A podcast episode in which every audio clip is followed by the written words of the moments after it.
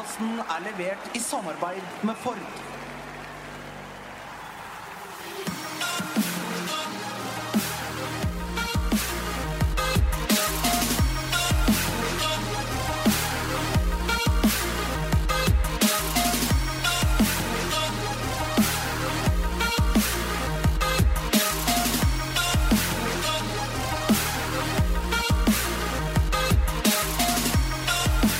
Godt nyttår, alle sammen. Januarvinduet det er offisielt eh, åpnet. Manchester City de er eh, stoppet, eller det vil si Guardiola slo ikke Guardiolas rekord.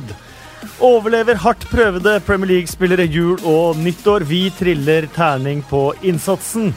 2018-forbannelsen den bare fortsetter for Harry Kane, som fortsatt står uten scoring. Og hvem ville vunnet en slåsskamp mellom José Mourinho og Paul Scholes? I tillegg skal vi dele ut blomster og kaktuser, eh, selvsagt. Vi har fun facts, og vi eh, kommer med egentlig nyanskaffelsen fra 2018 Twitter-hjørnet. Og til å ta årets første podkast, har vi Mina Finstad Berg. Velkommen tilbake. Takk, takk. Hyggelig å få komme innom igjen. Og vi har Simen Stamsø Møller. Velkommen tilbake til eh, deg òg. Takk, godt nyttår. Godt nyttår. Og eh, vi kan like så gjerne starte med spørsmålet til Henrik Storli fra Twitter. Hva spiste dere i jula? All maten. Eh, jeg, føler at jeg sånn, Nå er jeg sånn ca. 10 eh, vann og 90% julemat. Og veldig, veldig mye kjøtt. Så ribbe og innmatpølser i lange baner. Inn, innlands, innmats? Ja, jeg spiser ikke ribbe, jeg syns ikke det er noe godt. Men jeg spiser pinnekjøtt og uh, alt mulig annet. Veldig mye godteri. Så jeg uh, må komme meg på tredemølla ganske raskt. Uh, det kunne jeg sagt at jeg måtte òg, men det kommer ikke til å skje. Eh, men- Potetgull Potetgull for meg er veldig Hæ? sånn Når det er så mye fotball på TV, så må jeg ha potetgull. Så jeg sitter med potetgull, ok, og gjerne en øl. da. Og det er jo en kjempedårlig kombo hvis man ikke vil legge på seg. ja, men det er en god kombi. Veldig, veldig deilig. Og da må man variere da når det er når det er så mange kamper. Man kan ikke gå for det samme potetgullet hele tiden. Så det er, det er litt vanskelig å vite og hvilken kamp passer til det og det potetgullet. Hvilket humør er man i? Er man litt uh, fyllesyk, så trenger man en type potetgull. Er man, eh, og det er man jo gjerne. noen Jeg smakte ganger. salt sitron for første gang i mitt liv. Salt, salt og sitron? Det høres ikke ut som en god idé. Nei, jeg syns ikke det var noen god idé. Nei, det var smak. Verten sa dette er salt og sitron, for det var så liksom bitter et- etterpå. Tequila, liksom? Nei! Potetgull? Potetgull. What? Drikker ikke Tequila. Det er sikkert lurt. Men jeg kan også anbefale sylte til fotball. Det fungerer veldig veldig bra. Brutterns hjemmelagde sylte og fatterns eh, hjemmebrygga ull. Det er en eh, kjempekombo på Boxing Day. Jeg har spist ribbe, jeg har spist pinnekjøtt, eh, jeg har spist medister. Jeg har spist eh, masse puddinger av alle mulige slag. Hva, masse pudding i hvordan Karamellpudding, sjokoladepudding Ja, det er egentlig de to puddingene.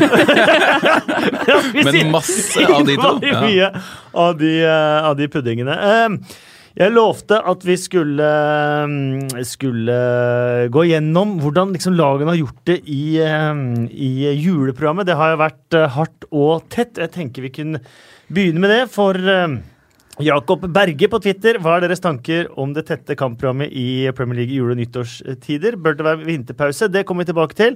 Mens Truls Eliassen, hvilke lag har kommet best ut av juleprogrammet sett i lys av forventninger, vanskelige kamper, skader osv.? Og vi starter der. Um, kanskje vi skulle Vi skal vel egentlig uh, trille, trille terning her. Er det noen dere mener har et terningkast sånn klink én?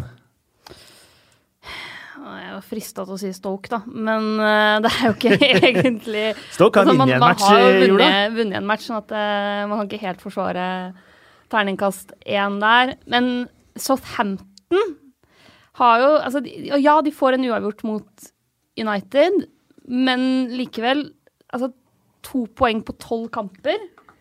Det er ganske mørkt. Altså, det, ja, de får med seg et poeng mot, mot United. Problemet er jo at de ikke klarer å ta poeng mot Palace, at de bare klarer uavgjort mot Huddersfield, som er laget de burde slå, da. Men eh, de, har jo, ja, de har jo poeng mot United som er såpass sterkt at uh, terningkast én er i overkant uh, strengt.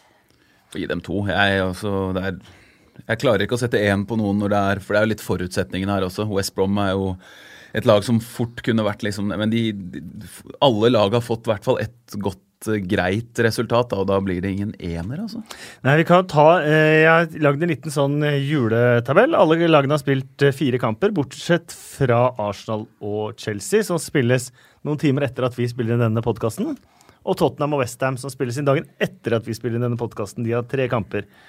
Eh, men eh, Burnley, Southampton, Everton og West Brom har to poeng. Liverpool og Manchester City de har ti.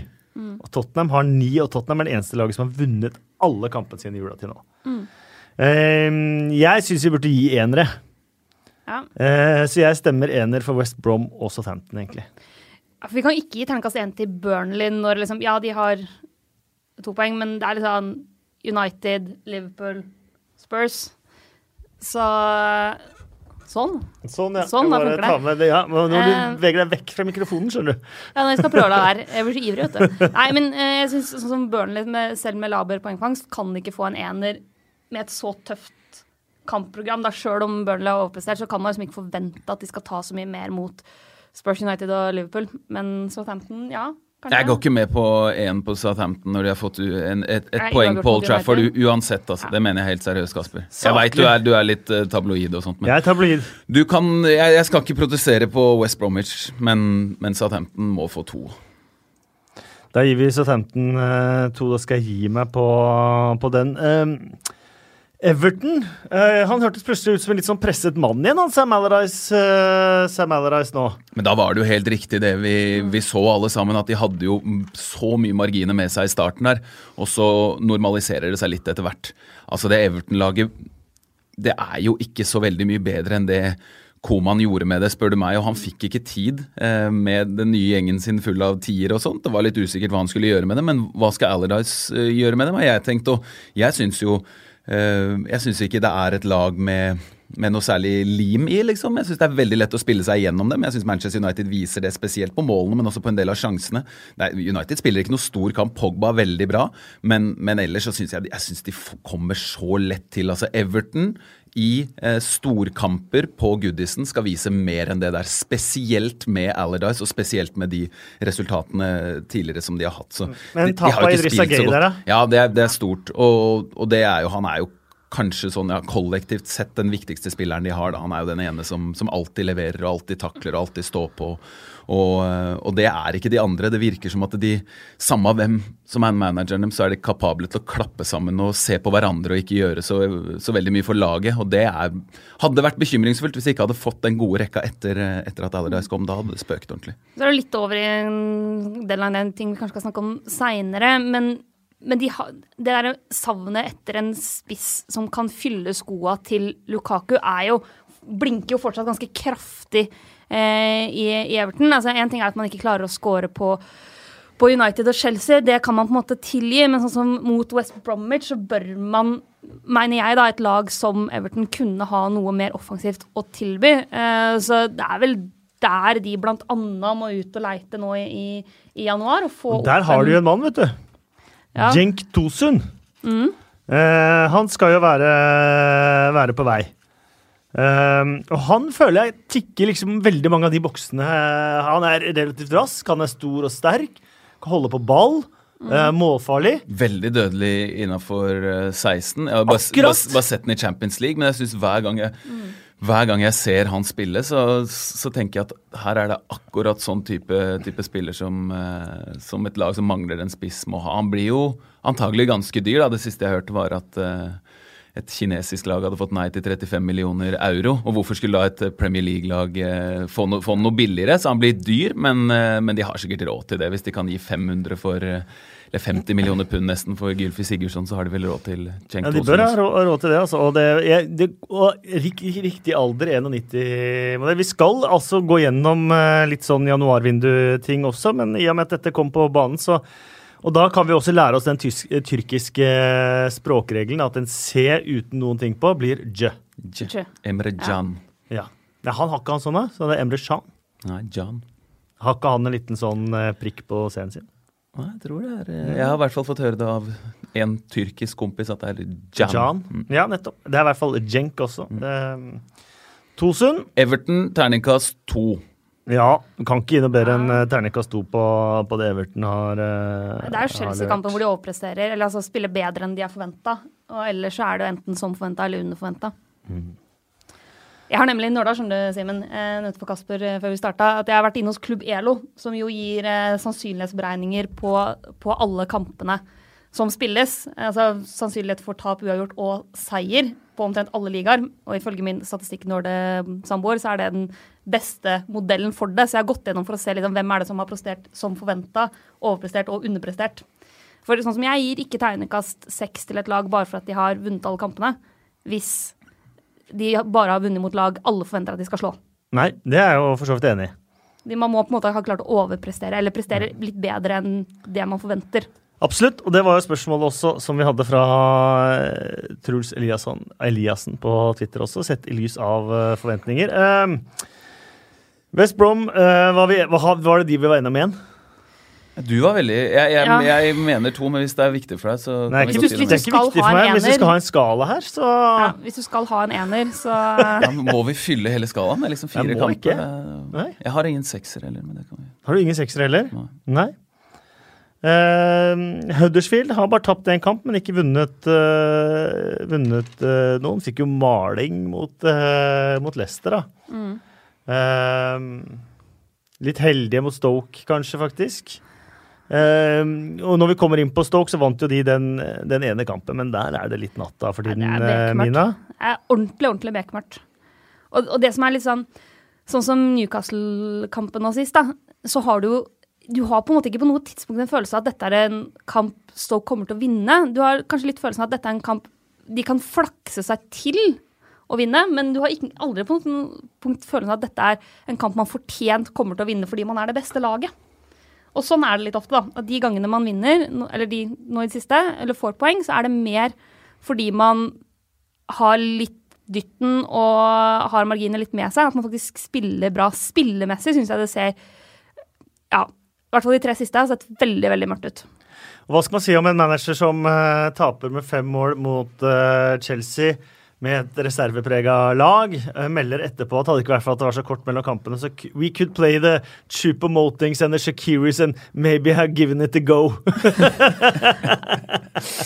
Det høres jo dumt ut, men jeg da bør du vinne neste match. Helt Ja. enig. Det er akkurat det jeg skulle til å si. Det er, det er, det er jo ny, litt det nye, nye Premier League. da. Tidligere så har det vært eh, veldig sånn opplest og vedtatt at eh, alle kamper er vanskelig i Premier League, men nå er det ikke sånn lenger. Eh, Newcastle med Benitez var helt åpenbart at han sparte spillere i den eh, Manchester City-kampen, og at eh, City hadde en litt off-dag, gjorde at, at de bare vant knepent. De kunne også ha vunnet den kampen 5-0 hvis, de hadde- hvis de hadde spilt på sitt beste.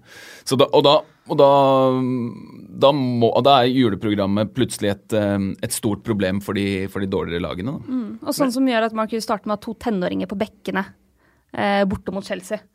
Eh, som gjør at selvfølgelig, De er urutinerte. De har knapt spilt Premier League. Da blir det stygge sifre. Jeg mener Chelsea kunne ha vunnet enda mer hvis de hadde stilt toppa. Tom Edwards, han eh, ene tenåringsbekken, han debuterte vel på Etiad, da. Ja. Eh, borte mot Manchester City. Men han gikk ut på 3-2 til Manchester City, og det endte 7-2. Jeg syns han virker ganske Han hadde jo første kampen okay. sin mot, borte mot City, andre kamp borte mot Spurs. Ja. Eh, og nå fikk han jo Han har fått litt tydelig innimellom, men nå fikk han jo da borte mot Chelsea. Så det er liksom Det er ikke noe silkehansker i begynnelsen her. Han bare kastes til ulvene med en gang. Men han hørtes litt sånn derre litt sånn sånn barnslig sutret ut etter matchen eh, nå sist, Marcus. Hvorfor, hvorfor klager dere bare på meg at jeg roterer? Hvorfor klager dere ikke på Rafa Benitez som gjorde seks endringer? Hvorfor er det bare jeg som skal få kjeft? Han, han er en pressa mann nå, eh, og jeg hører Han er jo dead man walking. Hæ? Ja. Han forsvinner jo nå. Jo han må jo vinne out. mye. Men, det, men jeg, jeg, liksom. så, jeg så noen på Twitter som var noen stats på det, og jeg sjekka opp, og det stemmer. Og det er at altså, det siste året, eller 2017, så har Mark Hughes i snitt vunnet én kamp i måneden. Ja. Hvis du går gjennom hele 2017, så har han vunnet ja, i snitt han noen måneder hvor han vinner to, og så har han noen hvor han vinner null, men i snitt er det én kamp i måneden han vinner. Det er klart at det holder jo ikke i lengden. Men hva, hva slags karakter Du har jo Stoke i ditt hjerte, Mina. Hva slags ja. ternekast vil du trille? Nei, eh, to. To på Stoke.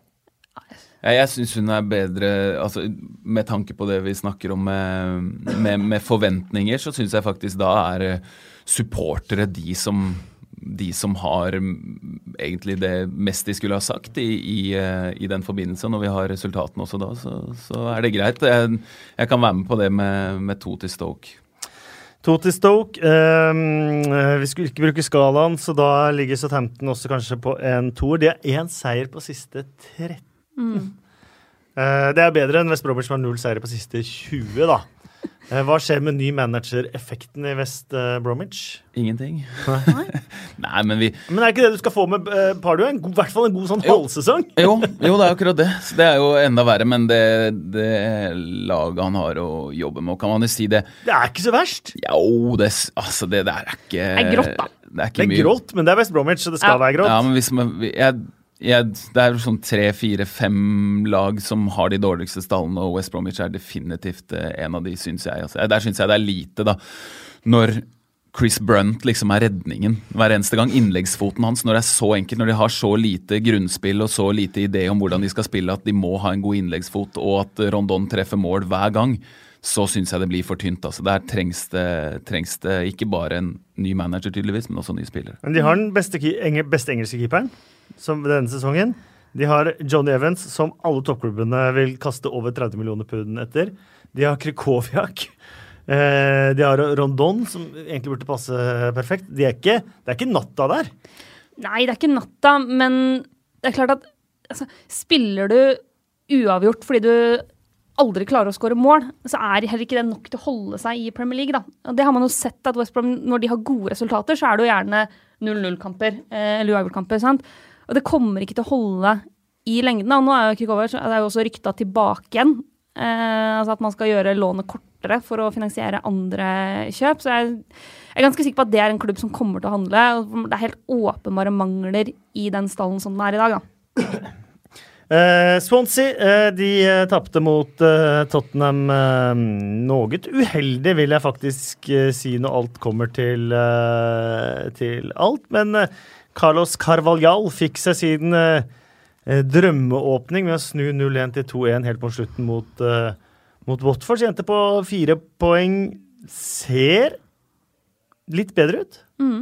Ikke helt natta. Det, var, det, er det eneste laget som, som for meg før før de siste ja, Før juleprogrammet, egentlig, så tenkte jeg her er det faktisk eh, takk og hei. Altså, nå er det, men, men jeg, jeg, jeg likte innstillinga deres, i hvert fall for tidligere. De må ha det. Og innstillinga mot Spurs var veldig bra. Mm. Og moralen de viste mot Watford også veldig bra. Så det, det, trengs. Det blir veldig jevnt der nede, og det er ikke helt fryktelig. Og han virker jo faktisk å være en fyr som, som bærer med seg litt tro og håp. Han er ganske kul. Uh, um, Uh, figur, da, som, er, som faktisk, i motsetning til mange andre, spør du meg, som er helt blotta for karisma når man kommer inn. Hva, hva er det egentlig man kommer med? Uh, hva gir han mer enn Paul Clement, tenkte jeg da, da, da han kom. Men, men, kanskje faktisk det, det lille, liksom, den lille gnisten ekstra. Det så i hvert fall sånn ut mot Spurs, og så er det én ting å gjøre det i sånne kamper. Det er ganske lett å motivere seg for sånne kamper. Og så er det Newcastle borte, tror jeg, neste kamp. Veldig spennende å se om Swansea kan spille bra nok fotball òg. Renato Sanchez f.eks. kriger jo bra, men han ser jo, han ser jo, stakkars, han ser jo helt knekt ut selvtillitsmessig. Men han var bra mot Watford. Øh, men er det decision making? Jeg tenker litt sånn på Renato Sanchez. Som er liksom kan skaffe seg rom på midtbanen, og sånt, og så mister han ballen. Og Du ser det veldig tydelig mot Spurs, at, for der hadde de jo en periode ganske gode muligheter til å få 1-1. Og da ville man også fått et, et helt annet type kampbilde òg. I en periode her syns jeg det så ut som det var nesten nærmere 1-1 enn en 2-0. Men det du ser der, er at i en del av de gangene hvor de får de overgangsmulighetene, så stopper det opp hos Renato Sanchez. Sant? Han bruker for lang tid. han... Eh, han roter bort ballen, som du sier. Han er ikke rask nok til å ta de riktige avgjørelsene. Men han er fortsatt veldig veldig ung, så kan, det kan jo være at han er en type spiller som kan få en litt sånn ny vår med en ny manager, med mer tillit fra manageren. Og jeg tenker jo egentlig at Sonsi bør gå inn i neste kamp med en ganske god følelse om, på en litt sånn optimistisk bølge. Ja, ja det blir tap mot Spurs, men de gjør en god kamp. Eh, de blir, får ikke en sånn 5-0 i, i fleisen. Eh, har den Watford-kampen å leve videre på hvor de klarer å snu det. Så jeg tenker egentlig at de har jo, bør jo være inne i en hvert fall mer positiv innstilling nå da, enn det de mm. var eh, før den eh, eller før juleprogrammet tok til, og det er liksom verdt å bygge videre på. Han har i hvert fall ikke bygd noe fallhøyde for seg selv. Etter det han sa mot, uh, etter at de slo Watford, så sa han ja, før den kampen så hadde 100 av 100 sagt at vi rykker ned. Ja. Nå sier 98 av 100 at vi rykker ned. Så det er litt sånn mm, ja, det, skulle vært, det skulle vært spennende å høre hva en Swansea-supporter sier om akkurat det. Da, for jeg synes det hørtes veldig mørkt ut å si at 100 av 100 sier at man rykker ned når det er faktisk såpass jevnt som det er nede i bånn Men deilig at det de ikke ble Tony Pulis og det bare gikk vekk fra alt. Vi må snakke litt om noen andre managere også. Marco Silva, hva var det Everton var oppi? Var det 20-25 millioner pund der etter hvert? I I løpet av neste måned så kan de ende opp med å betale han 5 millioner pund i kompensasjon for å sparke han. Mm. Angrer Watford på at de ikke tok penga fra Everton eh, da, da, de hadde muligheten og, og, lot Marco Silva gå dit? Jeg tror absolutt ikke det. Jeg, jeg, jeg, jeg, jeg syns jo han nå var jeg tabloid og fin, Simen. Ja, men jeg, jeg, jeg, syns at de har um, altså at Watford, Jeg liker veldig godt måten de spiller fotball på, og så er det uh, på grensen til naivt hele tiden. Men jeg liker det så mye bedre enn sånn uh, Du snakker om Tony Pulis. En sånn superkalkulert, kjedelig fotball, spør du meg. Så spiller de en for åpen fotball. Da. De gjør det. Watford de spiller for åpent. Det er, um, det er um, litt i overkant risikabelt, men, men jeg tror jo at han for eh, en klubbledelse med, eh, med tålmodighet hadde vært veldig bra. Og så er man litt bekymra, for Watford de bytter manager fort, og der er det snakk om, eh, om resultater. ikke sant? Og, og, jeg tenker for utviklinga så hadde det egentlig vært en bedre idé for Everton å ha han enn for Watford, for å være helt ærlig. For Sam Allardyce sitter jo der på, på kort tid. Eh, Marco Silva. Kanskje det til og med er en god idé å prøve seg på han igjen til sommeren. For jeg, jeg mener oppriktig talt at dette er en veldig veldig god manager som har et, et ganske begrensa mannskap som man får en del ut av. Men nå ser man jo at spesielt med tanke på at det blir så Det, det er alltid spennende i kampene deres. Det forteller meg om en manager som har, som har eh, hva skal jeg si, en, en, tilnærming som kanskje ikke står helt i stil med, med materialet sitt, men eh, de spiller god fotball. Altså de, og han har, han, har, han har, fått fram noen, noen gode spillere nå med Se på Dokoré. Dokoré er nesten vært, som imponerer mest. Ja, Cleverly har vært bra i mange kamper. Richarlison er veldig veldig god eh, støtt og stadig, selv om han ikke har levert så bra i det siste. Jeg tror Watford kommer til å klare seg ganske greit fordi Eh, de, de, spiller en positiv fotball, og det er liksom ikke så destruktivt. Og jeg håper, håper, håper at de får resultater nå, for jeg har sånn sansen for Marco Silva. Jeg håper at de har litt is i magen, for jeg tror Watford kommer til å stå seg veldig godt over tid hvis de klarer å, å stå i det nå. Eh, de er jo ikke altså de, Jeg tror ikke Watford kommer til å, å være i fare for å rykke ned. Uh, og så kommer det litt an på hva er ambisjonene. Uh, er de fornøyd med en liksom god margin til nedrykk, eh, blande seg rundt midten. Er det det som er målet denne sesongen her? Jeg tror det vil være utrolig altså, Hvis du tenker den spillerstallen de har nå, da, og gi Silva mer tid med dem, så tror jeg de kan ha noe virkelig stort på gang. Og så begynte jeg å flire litt, fordi når du drev og snakka om at Everton heller burde hatt, uh, hatt Silva Simen, så så jeg plutselig for meg Allardyce med det spillematerialet til, uh, til Watford. Uh, og så for meg liksom hvordan den, den krasjen kunne ha blitt. da. For det er liksom, Hva vil være alternativet til Watford? Får du inn en litt traustere manager som er, spiller mer safe, mer defensivt, så er det jo mange av nettopp de spillerne som vi nå har latt oss imponere av, som vi har blitt litt glad i fordi de spiller artig, offensiv, kreativ fotball, de vil jo svinne mye mer hen.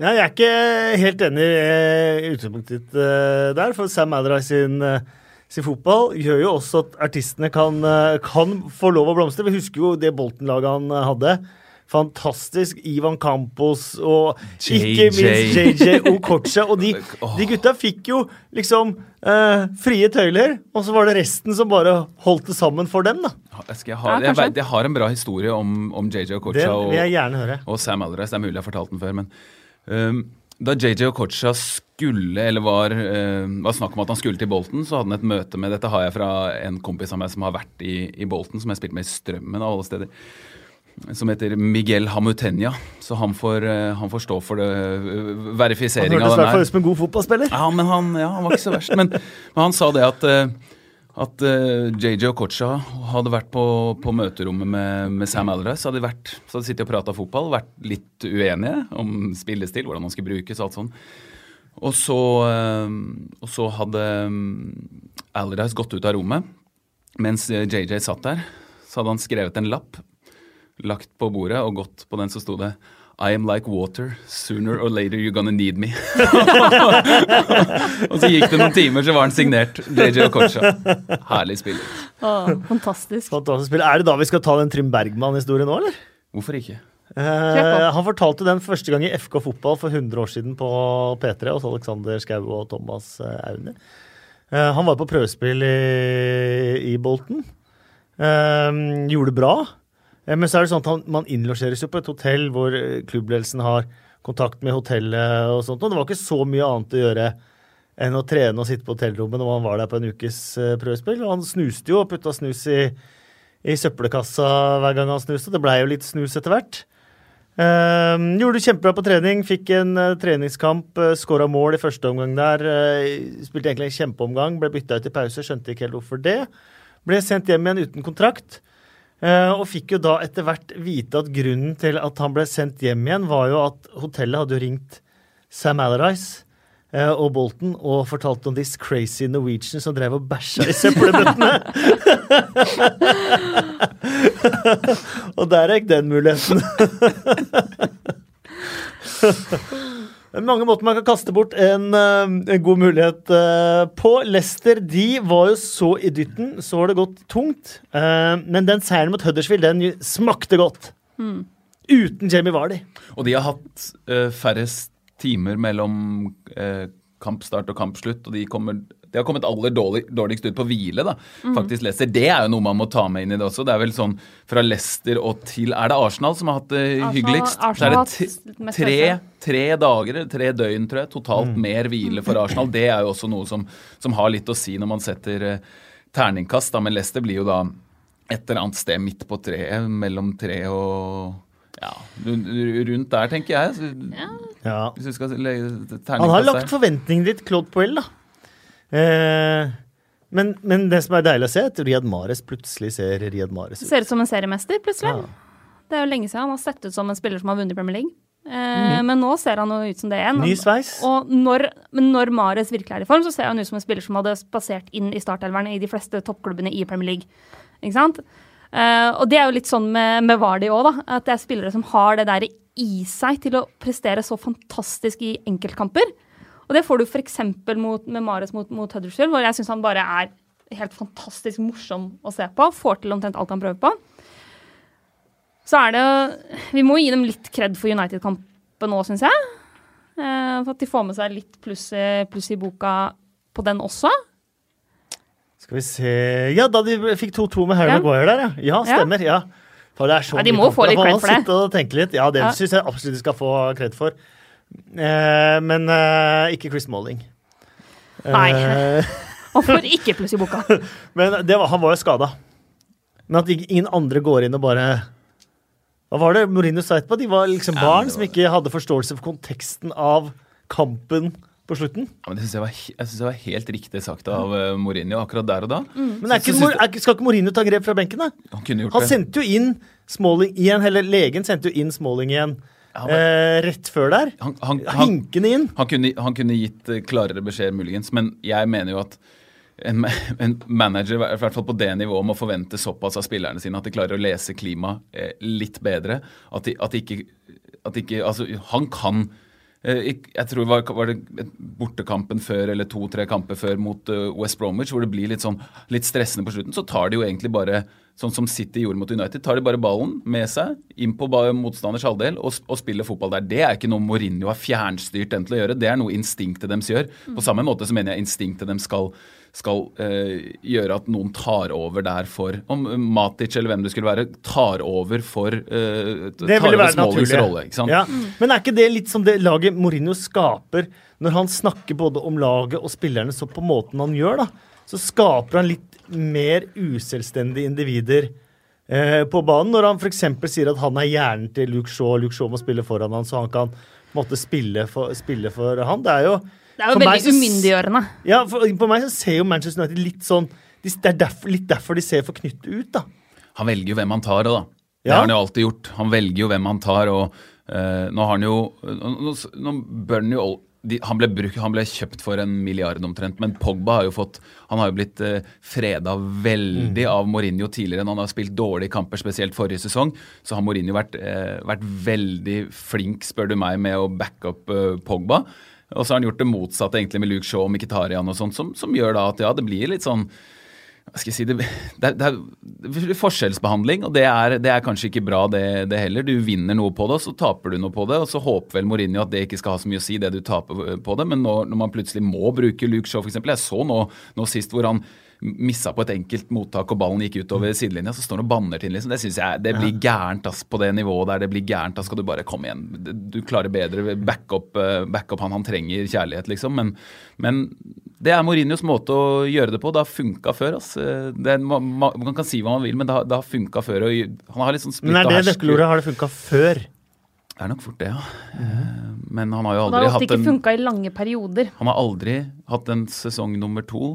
Eh, sikkert sagt det før, men han har aldri hatt en sesong nummer to hvor han ikke vinner. Det er det mhm. mange som vet òg. Men han har aldri hatt en sesong nummer to hvor han har så lite poeng eh, hittil i sesongen og sånne ting. Så han er jo han, Det er hans største utfordring eh, noensinne. Mourinho. Jeg syns ikke det er noe tvil om det.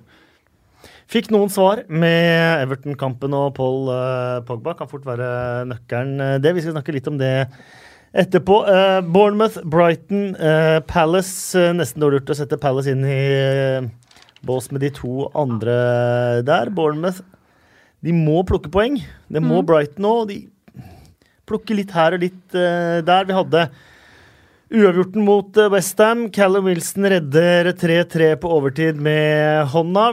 Uh, intervjuet med BBC etterpå. Jeg vet man ikke skal le av det, men jeg uh, syns det var litt uh, artig likevel. Uh, yeah, I got a little touch of it. Og reporteren spør touch of what? Magic. det var et juksemål, jeg er klar over det, ja. men det var samtidig litt morsomt. Det var bicepsen, tror jeg. Ja. Sånn men, men... Det var offside og det var hens. Ja. Eh, og Bobby Madley og assistenten står og diskuterer i det vide og det brede og kommer fram til at det, det var mål. Bobby Madley og offside, skal vi gi terningkast på det i, i, i, i jula òg? Så kan vi bruke hele skalaen. Da kan vi trekke fram eneren. Bobby Madley er Bobby Madley. Jeg har alltid syntes han har vært jeg, Første gang jeg virkelig har merket ham, var da jeg kommenterte Derby Nottingham Forest. Et av de kuleste kampene som fins i England. Et av de heftigste derbyene som er i England, til tross for at det ikke er på øverste nivå hvor han lot alt gå. Eh, Jamie Mackie ble stempla med knotter i brystkassa mens han lå nede. Og jeg tenkte, jeg, Da jeg kommenterte, da Madley blåste, så, så sa jeg nå kommer det rød. Eh, nei da, han blåste for skada spiller og droppa ballen etterpå. Eh, det var andre ting der også, eh, så det var første gang jeg egentlig har merket det. Men så sa jeg Brede at sånn kommunikasjon på banen, så er Bobby Madley Brede Hangeland altså, mm. kanskje best. Ja. Det overraska meg. Ja. Veldig. Men da steg han litt i graden hos meg, da. Men han har jo tidvis en ganske krisekamp den i går. Eh, altså, han har krisekamp hver gang. Ja, sånn, sånn, som i går, da. Hvor det er liksom Altså, men, men, men det, vei, det, det, som er så rart med den kampen i går, er at det, jevner seg på en måte ut. da. Eh, fordi at han gjør liksom én feil i hver retning på flere Så summen blir liksom riktig. Sjøl om alle avgjørelsene er feil. Og Det, er veldig, det syns jeg er veldig fascinerende. Et offside-mål som blir godkjent. Eh, en kjempesjanse som eh, ikke er offside, som blir blåst av. Eh, noe som, Sanchez skal ha gult kort, får ikke det. Eh, første gule han faktisk får, er ikke gult kort i det hele tatt. Og straffefeil begge veier. Så det blir ja. liksom summa summarum, så blir det ganske jevnt. Men det er forholdsvis begredelig dømming underveis. Seinfeld, uh, Seinfeld-dømming. Bobby Madley. Bobby. Seinfeld var også god på kommunikasjon. ja, sterk der. Um, Palace må vi snakke litt om, altså. Ja, for de skal et, et tap på siste, et tap på siste ti. Ja. Det er helt sjukt. Det, er, det syns jeg er veldig gøy at det endelig funker i Palace. Jeg har lyst til å ta de liksom opp et hakk fra, fra liksom Bournemouth-Brighton-gjengen. Jeg syns Palace har levert godt, jeg, nå. Uh, selvfølgelig stanser uh, Citys uh, seiersrekke. Er, hvem skulle trodd at det skulle være Crystal Palace. Jeg vet at noen, jeg jeg vet ikke om du hører på denne podkasten her. Jeg vet at enkelte calla det på forhånd. Var meldt i denne podkasten her at stoppen ja. kommer mot Palace, faktisk. Ja. Vi får gi litt fjær i hatten til Jon Martin Henriksen, som var gjest her da, før jul.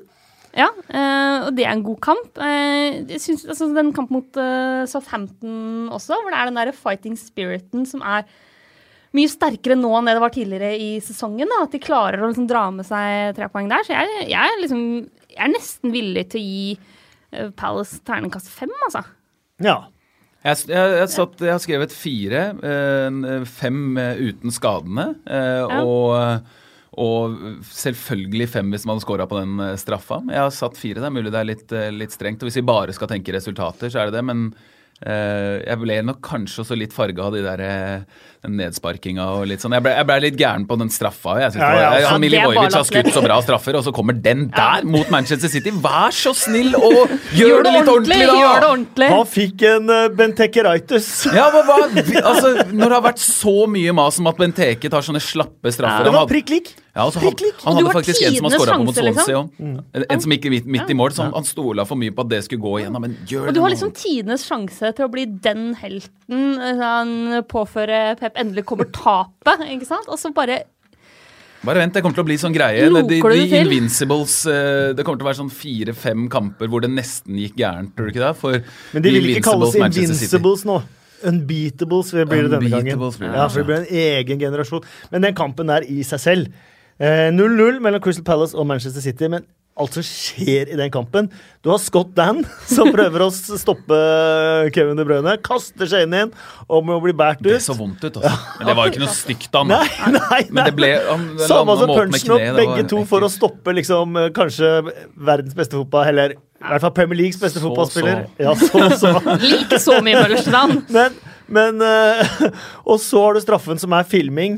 Eh, som eh, reddes. Det. Du har så mye varianter i den matchen der. Og så avslutter det med at Pep Guardiola går og setter seg på benken sammen med Hodgson. Eh, ved siden av Hodgson, bare for å slå av en prat de siste minuttene. Syns du ikke det var litt fint, da? Jeg synes det er det er helt nydelig. Men det er bare han. Ja. En gryende bromance der. Ja.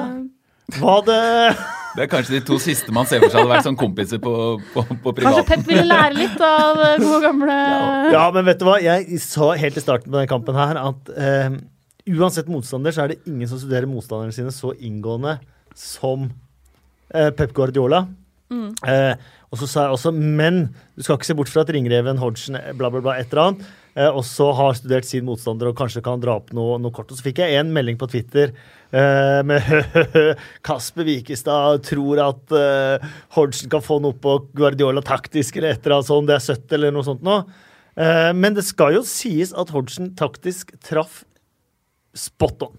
Og han hadde jo ikke vært eh, manager så lenge og for så store klubber som han jo har vært manager for så bra lag hvis han ikke hadde hatt peiling. Altså, dette er jo en, det, er, det er jo faktisk en bra fagmann, og jeg syns at eh, når det gjelder sånn, Man ikke, man kommer jo ikke så på innsiden i, eh, i Premier League-klubber og får vite hvordan manager jobber og sånn, men jeg syns når man hører intervjuene til, til Hodgson, så blir jeg alltid litt sånn ja, men søren, han sier det som det er. Eh, virker som en bra mann. Jeg tror at hvert Altså, jeg, jeg skjønner at det går litt dårlig når, når først motgangen kommer, så er kanskje ikke han rett mann til å snu den. For han er ikke sånn veldig sånn Gutta, nå skal vi få det til sammen, liksom. Men i medgang og i en sånn bølge som de er på nå, så tror jeg han er en herlig mann å jobbe med, rett og slett. solskinnsmanager. Men jeg synes du ser det på Palace-spillere nå. at det, er en helt, det virker som det er en helt annen stemning i spillergruppa nå også enn det var tidligere i sesongen. Fordi der så det jo også helt, helt natta og helt uh, mørkt ut. Det er vel flere som har tippa dem eh, rett ned. Men har, han har jo klart å komme inn og snu det. Og jeg syns også synes i hvordan altså Alt fra liksom hvordan spillerne feirer, eh, til liksom bare intensiteten i spillet deres. Alle disse tingene her. Så, så det er litt, en kombinasjon av ikke bare juleprogrammet, men hele snuoperasjonen i Palace som gjør at jeg har vært inne på femmeren der, da. Vi må jo også nevne at måten han taklet eh, Benteke-greiene på, mm. er jo snakk om genial man management eh, på bare Vi setter en strek, vi glemmer det. Han spiller neste match, scorer. Eh, glemt. Ferdig. Eh, Vi, hvem vi, kan, kan, vi, kan jeg bare få nevne, hylle Wilfrid Saha litt? Ikke, han, han, han filmer mye og alt sånn, men fy søren, han er god nesten i hver eneste kamp nå. Han spiller så bra. De derre eh, overstegsfintene hans eh, han, han lurer nesten alle på banen én gang i løpet av én match eh, med, eh, med driblinger. Det er en så morsom spiller å følge med på. Han gjør at et litt, spør du meg, grått lag blir eh, severdig. Altså, så får man se hvor lenge han er der. Men det er en ordentlig, ordentlig god spiller. Altså, der har England gått glipp av noe ved å ikke, eh, ikke ha muligheten til å bruke han. Jeg syns faktisk at det som sånn eh, kantspiller står jo aldri i verden noe tilbake for Raheem Sterling kvalitetsmessig. Han gjør jo ikke det. Han Nei, på ingen måte. Jeg sa det da jeg kommenterte òg. Tenk at de to på hver sin side for England. Jeg tror Saha angrer litt òg, for Elfenbenskysten. De skal ikke spille VM. Men jeg så på uh, Jeg kom over noe i går kveld da jeg satt og forberedte egentlig denne podkasten her. Kom over uh, nyhetsarkivet på united.no, hvor jeg ble intervjua i januar 2013. Han kan sette fyr på Premier League om Ja. Wilfried Saha. Det er jo fint, da. Ja, Det tok tre, fire, det fem år. Men, år, men jeg, jeg sier jo det her uh, Sier jeg det her også at uh, Uh, Jeg tror han har pot- potensial til å sette fyr på Premier League på litt sikt. Ja. uh, men jeg skrev også at jeg tror Manchester United kommer til å få det beste ut av han. Uh, det var feil. Ja. Men, men se Hodgson også, apropos. Han gir Saha frihet. Eh, det er mange spillere som bare trenger det, som må ha det. Eden Hazar er en annen. Som ikke kan eh, holdt på å si ofres eh, for mye for det lagtaktiske, men bare, bare gi, gi han frihet. Legg han som som- Han kan holde på litt som han vil, så får du magi, altså. Og jeg er helt enig i at altså, Jeg er veldig glad i Saha som, som spiller. Syns er tidvis er fantastisk artig å se på. Men jeg må bare si at du har ikke lov til å feire så mye og være så glad og smile så bredt over å få straffe når du har filma deg til den. Jeg skjønner at ok, du får straffe på tampen av kampen mot City, men når du har filma, så har du ikke lov til å gå rundt og liksom knytte nevene og yes og ha det bredeste gliset i verden. Fordi du har juksa. Og det lønte seg å jukse, men ikke feir at du klarte å jukse deg til en straffe. Hvor mange straffer har han fått denne sesongen? Er det fem? Jeg syns alle er tvilsomme. Ja, og, og de bare ikke feir at du jukser og klarer å lure dommeren. Det, det syns jeg ikke er lov, altså. Det er ikke verre enn å filme i seg selv. Nei, men jeg syns det blir enda litt verre når du liksom er går rundt og bare Yes! Ikke sant? Det er helt enig. Uh, Steve Parish mener at uh, eh, engelske media og alle andre har en agenda mot Wilfried Saha. Bullshit. Eh, Takk. Da var den tatt. Er det noen som har lyst til å si noe om Arsenal sin seier og to uavgjorte? Jeg har lyst til å si at de så ut som Fleetwood da de spilte mot uh, West Bromwich. Og hva het hjemmebanen til Fleetwood? Mac. Ja. Hybrid. Jeg tenkte bare nå Nei, gjør den det? Fleetwood, Fleetwood Mac var i Ikke se på meg! Hvem er det som spiller på Highbury igjen? Det er en stadion i ligasystemet som heter Highbury. skjønner du. Nå, jeg, skulle jeg, nå skulle jeg være veldig smart. Så det er ikke så smart smart allikevel. Ja, uh, jeg tror det, faktisk. Sjekk det. Er det Crawley, kanskje, som spiller på Highbury?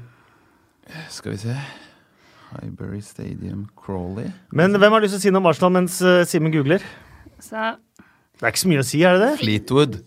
Det er Fleetwood, ja. Sterk. Da var det Fleetwood. Nettopp. nei, det er liksom Arsenal er liksom midt på treet i juleprogrammet. Altså, det er klart at den, snu, den snuoperasjonen i gåseøynene mot uh, Liverpool er, er litt sånn Den er jo sterk. Mm -hmm. uh, men utover det så er det Ja, de slår Palace, som man bør kunne forvente.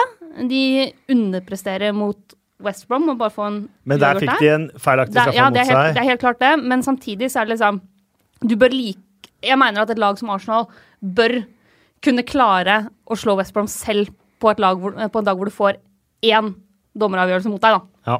Jeg syns det er veldig greit. De står på fire nå. Det, det Tap, tap, taper de mot Chelsea, så er det en uh, treer. Vinner de mot Chelsea, så er det en femmer. Uavgjort, Ja. så er det en firer. Sånn. Ja, jeg er enig. Uh, Arsene Wenger uh, tok seg turen inn til Mark Mike Dean etter uh, match. Eh, og kan ende opp med en stadium-band. hvem har lyst til å si noe om Manchester United? Ja, Har vi ikke alle det, holdt jeg på å si? Jo da, Vi har snakket litt om Manchester United. eh, også tre uavgjorte på rad der. Og blande inn det tapet mot Bristol City, Ja. eh, så var det fryktelig svakt. Men jeg syns andre omgang mot Everton noe av det bedre. Altså. Og kan jeg bare si at For det har vært mye snakk om Lukaku og hodeskaden og hva som egentlig skjedde der. Det var jo altså, det- ser jo ut som Det er jo mye mindre farlig enn det vi trodde da vi satt og så på. Jeg må innrømme at jeg hadde litt sånn hjerte i halsen da. altså Jeg syns det så fryktelig stygt ut. Det må ha vært helt forferdelig å kommentere det, Kasper. Eller litt sånn I dag hadde jeg, i hvert fall jeg vært veldig stressa. Men jeg syns mot Everton så får du plutselig se et United-angrep som uten Lukaku er ekstremt mye mer dynamisk syns jeg. Altså, du, du får, når du har spillere med sånn som uh, Martial, uh, Lingard Du får så mye fart, du har mye mye mer bevegelse. Og det er jo litt også fordi Lukaku har vært i en halvveisform. At han, når han blir, han blir stasjonær. Zlatan er jo også litt stasjonær til tider. Men at mot Everton da, så får du et United-angrep hvor det er mye større Hvor det blir mye mer større rom. sant?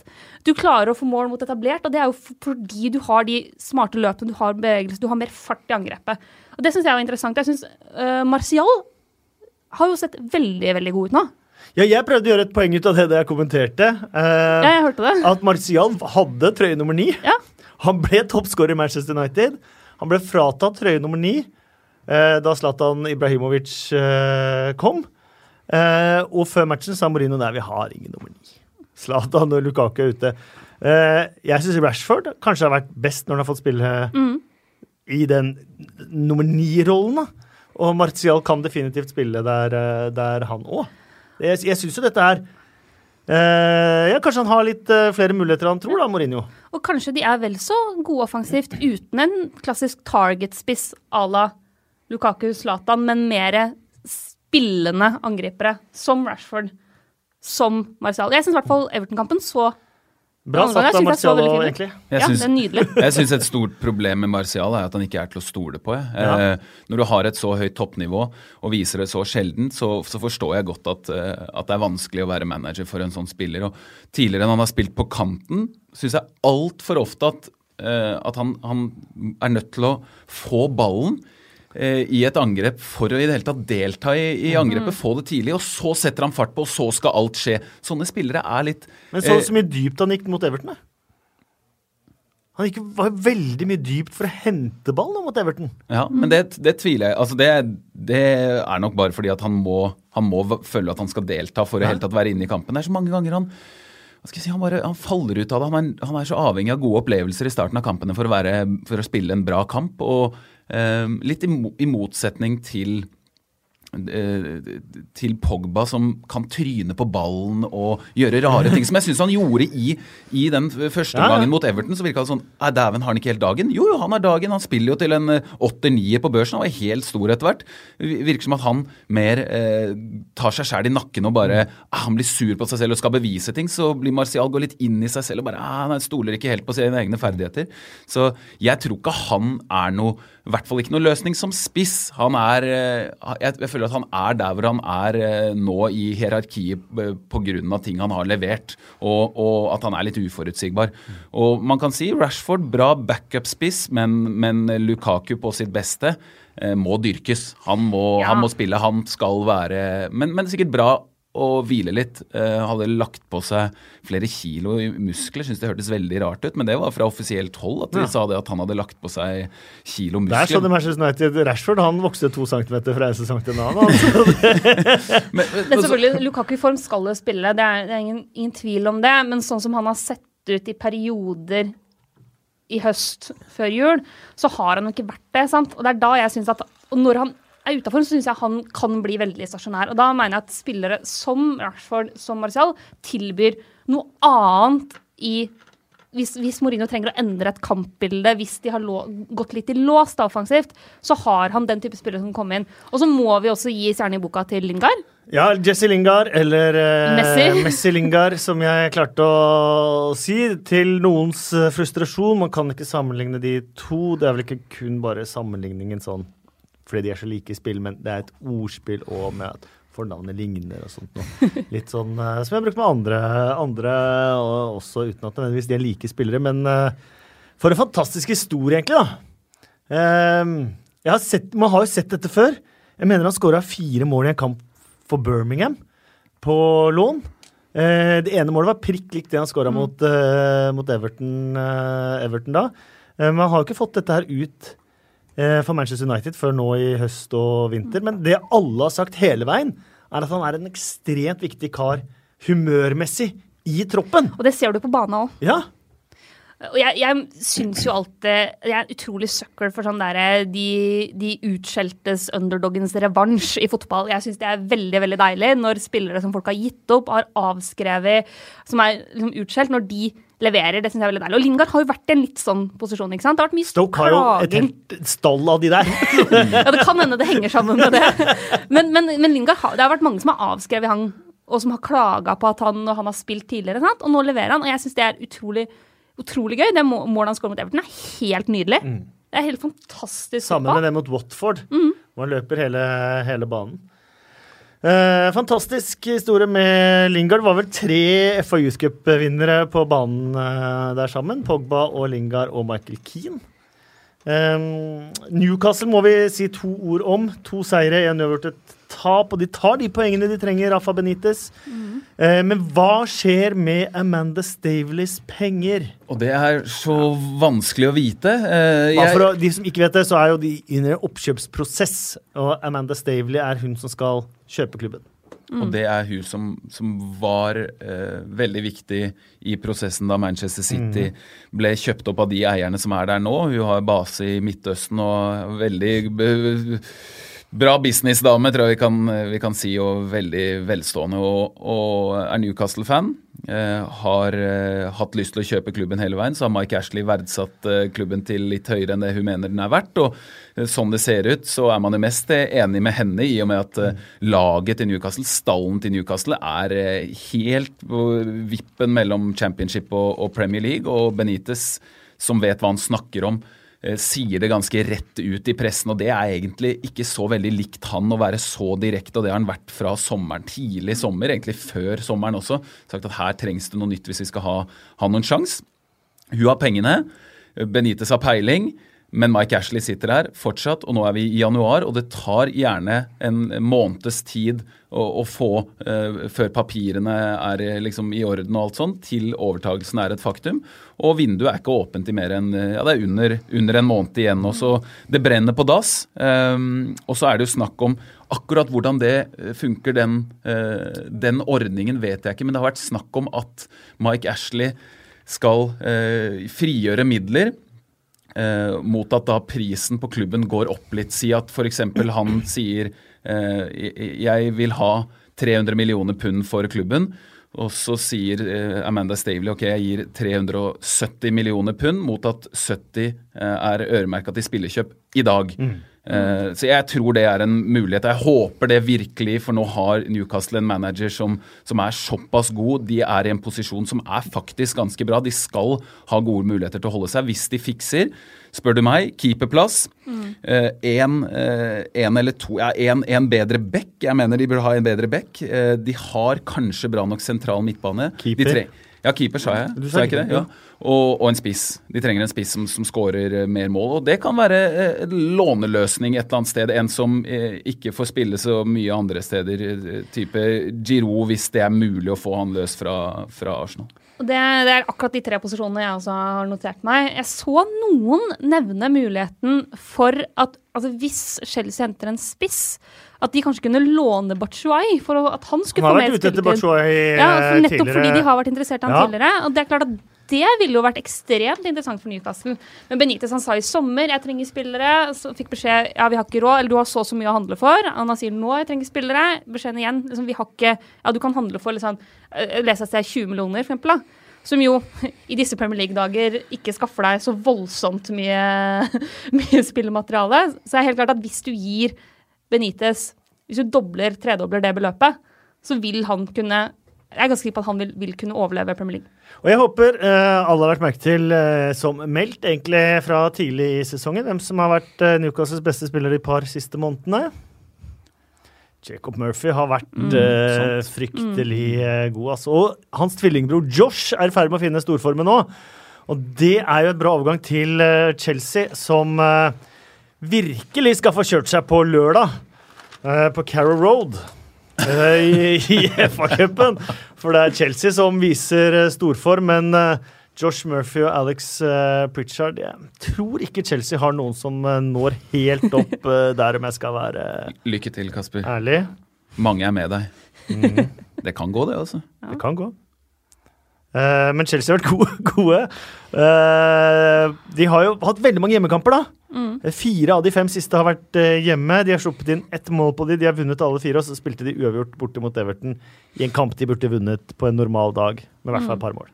Ja. Og i den kampen så mangla de spiss. Det var ganske tydelig. Ja. Morata, hvis han hadde spilt den kampen hvis han Ja. ikke hadde For han, han dumma seg faktisk ut. Han kasta jo bort den ballen. Det var ikke bare den feiringa med, med ballen under magen Nei. i den uh, cupkampen. Han, han sparka jo bort ballen etterpå, så det var helt fair at han fikk det gule kortet. Så han dumma seg ut der, og i den kampen så så man veldig tydelig hva Alvaro Morata betyr for Chelsea. Og man så også veldig tydelig hvor lite Conte stoler på Bachuay. Ja, men det er, han er ja.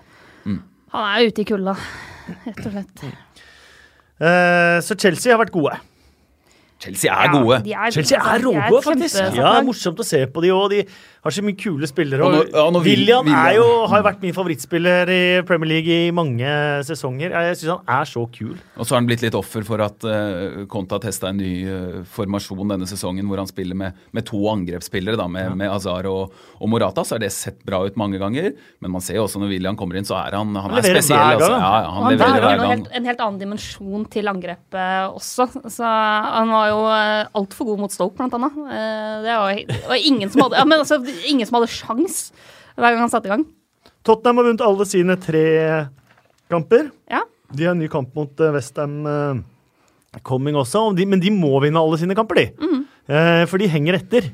ja, og de har Eh, vunnet tre kamper som eh, de også bør vinne. Mm, på all, for all del. Eh, men de har skåra fem mot Southampton, eh, tre borte mot Burnley. Det er ikke dårlig. Og de er litt heldige mot uh, Swansea etter at de tapte 1-4 mot uh, Manchester City uh, der. Eh, men du vil ikke da gi noe høyt terningkast? Altså, jeg, jeg, jeg gir ikke terningkast seks for at Tottenham slår Burnley som Southampton og sånn, så Det gjør jeg ikke. Men Harry Kane gir du terningkast seks.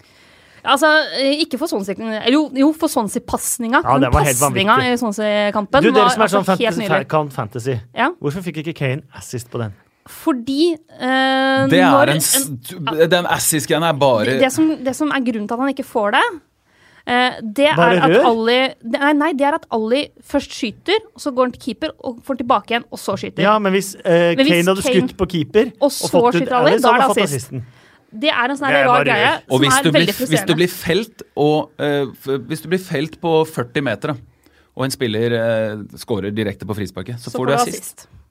Det er bare rød! Ja, men det er Ja. bare det er, det er noen sånne store bugs i det spillet der som jeg begynner å bli ganske irritert på. Ja, for det er en soleklar assist på Kane. Ja. Ja, ja, selvfølgelig. Ja. Det er, og det er en, Og det er en en av de vakreste pasning. assistene Ja. i årets Premier League også. Manchester City eh, de hadde muligheten til å slå Guardiolas rekord på 19 strake seire i eh, ligaen, men Guardiola er ikke like god som Guardiola, så det stoppet på 18. Eh, han har alle rekordene Ja. der han har vært. Spania, Tyskland, England.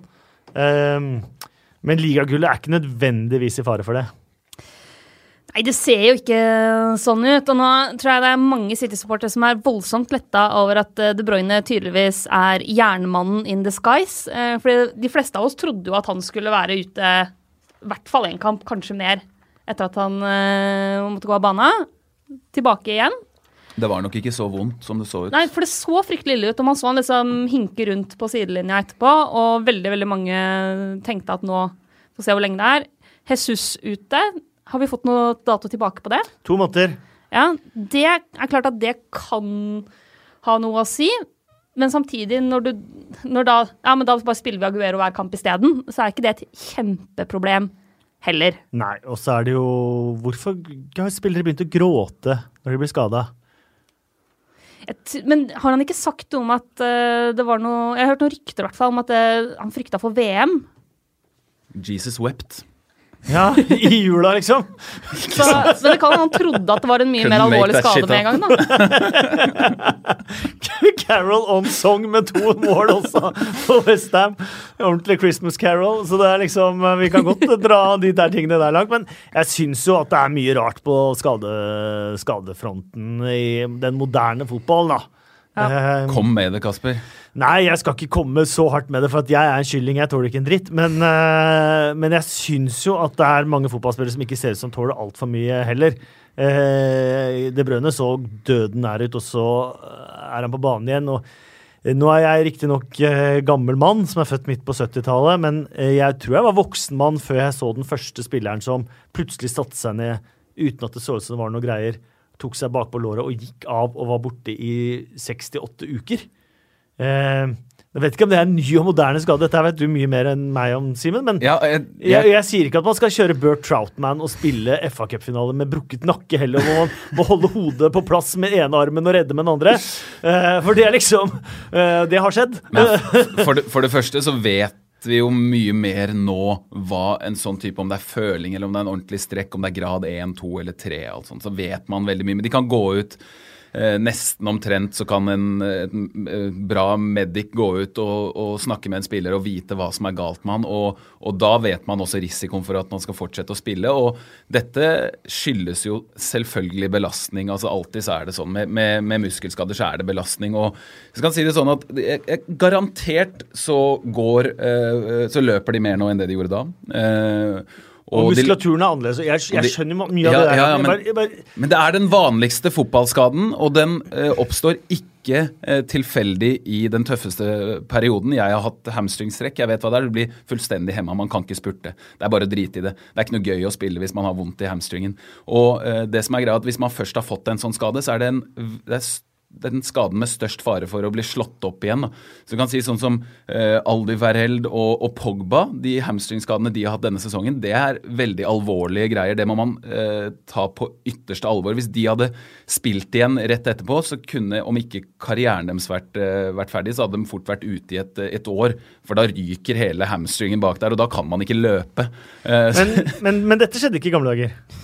Jeg tror det skjedde i gamle dager, men jeg tror ikke de hadde, visste helt hva det var. Og, og jeg tror, eh, for å være litt stygg, at det var mer mulig å, å, spille med en liten ruptur eller en grad 1 hamstringskade da enn det det er eh, nå. Og nå vet man mer. Eh, at en sånn type skade på en god spiller kan eh, bety mye for sesongen. Det kan bety Det kan være forskjellen på nedrykk og beholdt plass. Det kan være forskjellen på tittel og ikke tittel. Hvis eh, altså Idrissa Gay, da, som vi snakka om tidligere, han, hadde, han fikk en hamstringskade. Se hvor viktig han er for Everton. Hvis han hadde spilt videre med den og ryke hele greia. Så Bolassi spilte jeg så den kampen hvor han fikk en kneskade. Han prøvde jo å spille videre. Jeg har ikke hørt noe sånn offisielt om det, men jeg tror det var en veldig dårlig idé. Han spilte fem-ti minutter mer, og da var han bare ferdig. Gabriel Jesus prøvde å spille videre. Plutselig begynte han å grine og skjønte at her var det noe ille. Kanskje faktisk på de fem-ti minuttene der så blir skaden verre. Absolutt. Ja, men han gråter. Slutt. Men altså, du, du, vet jo heller ikke noe om hvor vondt det faktisk gjør, da. Altså, det går jo an å, å få så vondt at du begynner å grine òg. Når man er voksen? Ja, det gjør kanskje det. Det, det veit jeg ikke, altså. Men, Nei, det må, men, være, det må, være, følelsesgråt. Det håper jeg. Det var nok det. Han skjønte ja. at uh, nå går det gærent igjen. Nei, vi skal ikke, vi skal ikke, vi skal ikke være slemme mot uh, noen. Og vi må ta noen ord om uh, Liverpool. og som Som Ole Kallhovd, Ole Endre K på Twitter, skriver Ragnar Klavan. Bare snakk litt om Ragnar Klavan! Av gammel Vålerenga-gutt, vet du. Da ordner det seg, da. Ja, han var ikke god nok for, eh, for Vålerenga, men han er god nok for Liverpool nå. Han fikk med seg atmosfæren, atmosfæren, på Valle, vet du. Så det sitter i resten av karrieren, det. men uh, jeg har sittet ved siden av Jamie Carriger denne sesongen, mm. uh, hvor jeg har kommentert, hvor han har sittet og sett på uh, der hvor vi sitter og kommenterer. og han har sittet fra da tribuneplass skal vi kalle det, og vært så stygg med Ragnar Klavan. men nå Eh, så fikk han være helt. Og jeg tror, uansett om du mener han er god nok for Liverpool eller ikke, uansett om han mener liksom, å, han ødelegger for Liverpool eller ikke, jeg tror absolutt alle unner han den gleden. Ja. Og det er jo de to mest utskjelte Liverpool-spillerne som har mål og assist, og som redder tre poeng i den kampen. Altså Lovren til Klavan. Der har du to spillere som har fått mye dritt over lang tid i Liverpool nå. Uh, så jeg syns det er helt nydelig at han får den. Jeg vet ikke med deg, Simen? Hva er ditt forhold til Klavan? De har jo ikke hva skal jeg si, De har jo ikke hatt gode nok midtstoppere i, i, i lang tid, og nå har de det? Eh, spør du meg, med Matip eh, van Dijk alle dager i uka første- og andrevalg. Jeg mener Joe Gomez, eh, tredje beste midtstopperen til, til Liverpool. Han ser jo virkelig ut som mener, prospect. Altså. Og jeg mener det er mer en midtstopper enn en, enn en back, egentlig, Enig? Joe mm. Gomez. Mm. og man merker det også på, på det Klavan sa da han kom til Liverpool. altså jeg kan ikke tro det. Hva er det som har skjedd? Og, og, og det var jo en Han kom gratis, tror jeg. Eh, og, og, sånn som eh, budsjettsignering, å få inn en mann med den rutinen, bra. Men at han skulle spille så mye, eh, det har ikke vært bra for, for, Liverpool. Selv om han har heva seg litt i det siste, så har han jo stort sett eh, vært bra i kamper som Liverpool skal vinne eh, hver gang. Veldig fint at han får en, får en, opptur, men han sier jo også det nå at herlig at van Dijk er på plass, liksom. Du er litt letta, tror du? Nei, men jeg, jeg tror han, han har det sikkert ålreit, uh, han også. Og, og jeg tror ikke jeg, Han slår meg ikke som den typen som lar seg prege så veldig av kritikk. Lovren kanskje mer, for Lovren har mer en posisjon og kom for store penger og alt sånn. At uh, han, uh, han kjennes det ut som at det tar det nok litt tyngre at hans dager er litt forbi akkurat nå. Eh, det der er nok eh, fortiden mer enn noe annet, eh, det paret der. Hvor mye betaler Liverpool for Wesley Hoot i sommer? Leverte jo som bare det mot Manchester United. Jeg tenkte da, Der er vi oppe i kanskje 90 millioner pund i sommer, da, fra Southampton til Liverpool. Ja. ja. Jeg tviler, men jeg tviler. Ja, han er ikke En ting jeg har lagt merke til med han, som folk kan se på. Det er bare en morsomhet. Returløpen hans fra corner, når han har vært oppe på corner, så løper han sånn Han tar sånn skikkelig sånn Michael Johnson-drag hjem, og så ser, ser han seg bak, så ah, fem meter, ja. Så det er helt unødvendig å spurte så jævlig. Slapp av. Dette går bra. Det er ja, men det er en innstilling jeg kan like. Ja. Um, Liverpool var jo da de som toppet poengfangsten, med mindre da f.eks. Uh, Tottenham vinner uh, mot uh, Westham uh, og Chelsea skulle slå Arsenal. Så fikk de altså ti av tolv mulige poeng i jula Liverpool. Mm. Uh, gi et terning. Fem? Ja, jeg også har tenkt fem. Fem, ja. Hadde vært en terningkast seks hvis du hadde slått Arsenal. Ja, unntatt de fem minuttene mot Arsenal, egentlig. Så er, det, der, så, er det, så er det ikke helt uh, perfekt. De må slite litt mot, uh, mot Leicester og har uh, Viser igjen at de er ikke noe komplett fotballag. Altså, det, det, det målet de slipper inn der eh, mot et lag som Leicester på, på hjemmebane. Jeg synes det er gi bort et mål i starten av kampen på den måten. Og mm, de skal spille mm, ambisiøs fotball, skal spille kortpasningsspill ut fra keeper, og man ser at eh, de er ikke klare for det. Og det syns jeg er veldig rart. Emre Can står Det er jo Matip mest sin skyld her, men Emre Can står liksom og ser litt rundt seg. og Hva skal jeg gjøre nå? Og så er han litt på etterskudd. Um, han syns jeg faktisk uh, ser Han er god i noen kamper, men jeg syns han ser mer og mer ut som en som bryr seg mest om seg selv, faktisk. Uh, Emre Can, og det Jan. Jan. Jeg digger det, altså. Ja, jeg skal være litt mer konsis på det neste gang jeg kommenterer, Simen. Mm. Eh, vinterens vakreste eventyr, eller eventuelt høstens mest frustrerende, Adrian Silva, ble kjøpt til Leicester. Eh, ble registrert 14 sekunder for sent. Han var tilbake nå over nyttår eh, mot Huddersfield med draktnummer 14. ja, Bedre kan det ikke gjøres av Lester. Veldig bra. Ja, det er helt fantastisk. Ja. Bare det byttet eh, mot Huddersfield tok jo lengre tid enn de 14 sekundene. det, det papiret var levert for seint.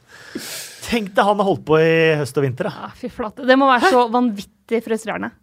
Ja og sett Matty James spille mm. i posisjonen hans. Uff. Ah, ja.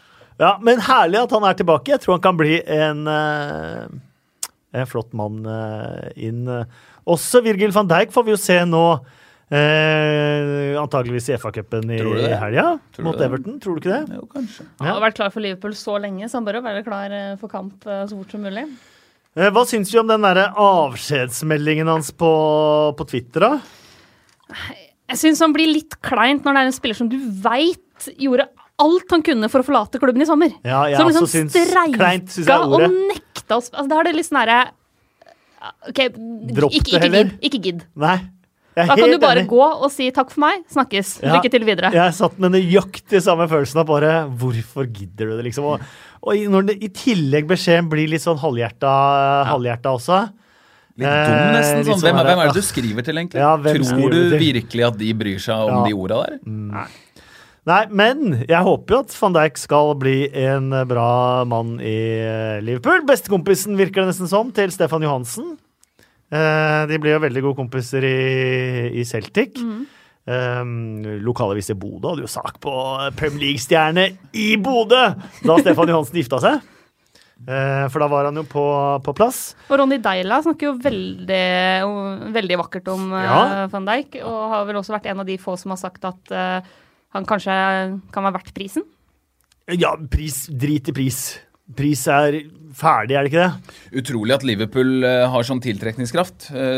Spør du meg at de får spillere som er, som er, som er såpass ettertrakta som som van Dijk og som Keita også, som kommer, som kommer til å ta Premier League med storm, er jeg ganske sikker på. Mm. Uh, det det syns jeg egentlig er mye mer viktigere enn Altså, det prisgreiene kommer nok til å gå gå opp i opp. De har kontroll på det, og de vurderer det opp mot det ene og det andre. Men det har pris prisen å si lenger med de penga som er, klart, er i for- omløp? for Liverpool- for Liverpool en- så har det litt å si. Trenger du én spiller i én posisjon, og det er den spilleren du vil ha, så er det er ikke de- Money's no object, heter det. Nei, det, men- sånn er det jo. Jeg er enig i det, eh, men hvis de Hvis eh, det de har brukt de siste årene hadde vært annerledes, så hadde de faktisk eh, kanskje ikke hatt råd til å Eller tatt seg råd til å betale så mye for en midtstopper, men når de har vært såpass edruelig pengemessig de siste sesongene, så, er, så mener jeg at prisen der er ikke så veldig mye issue.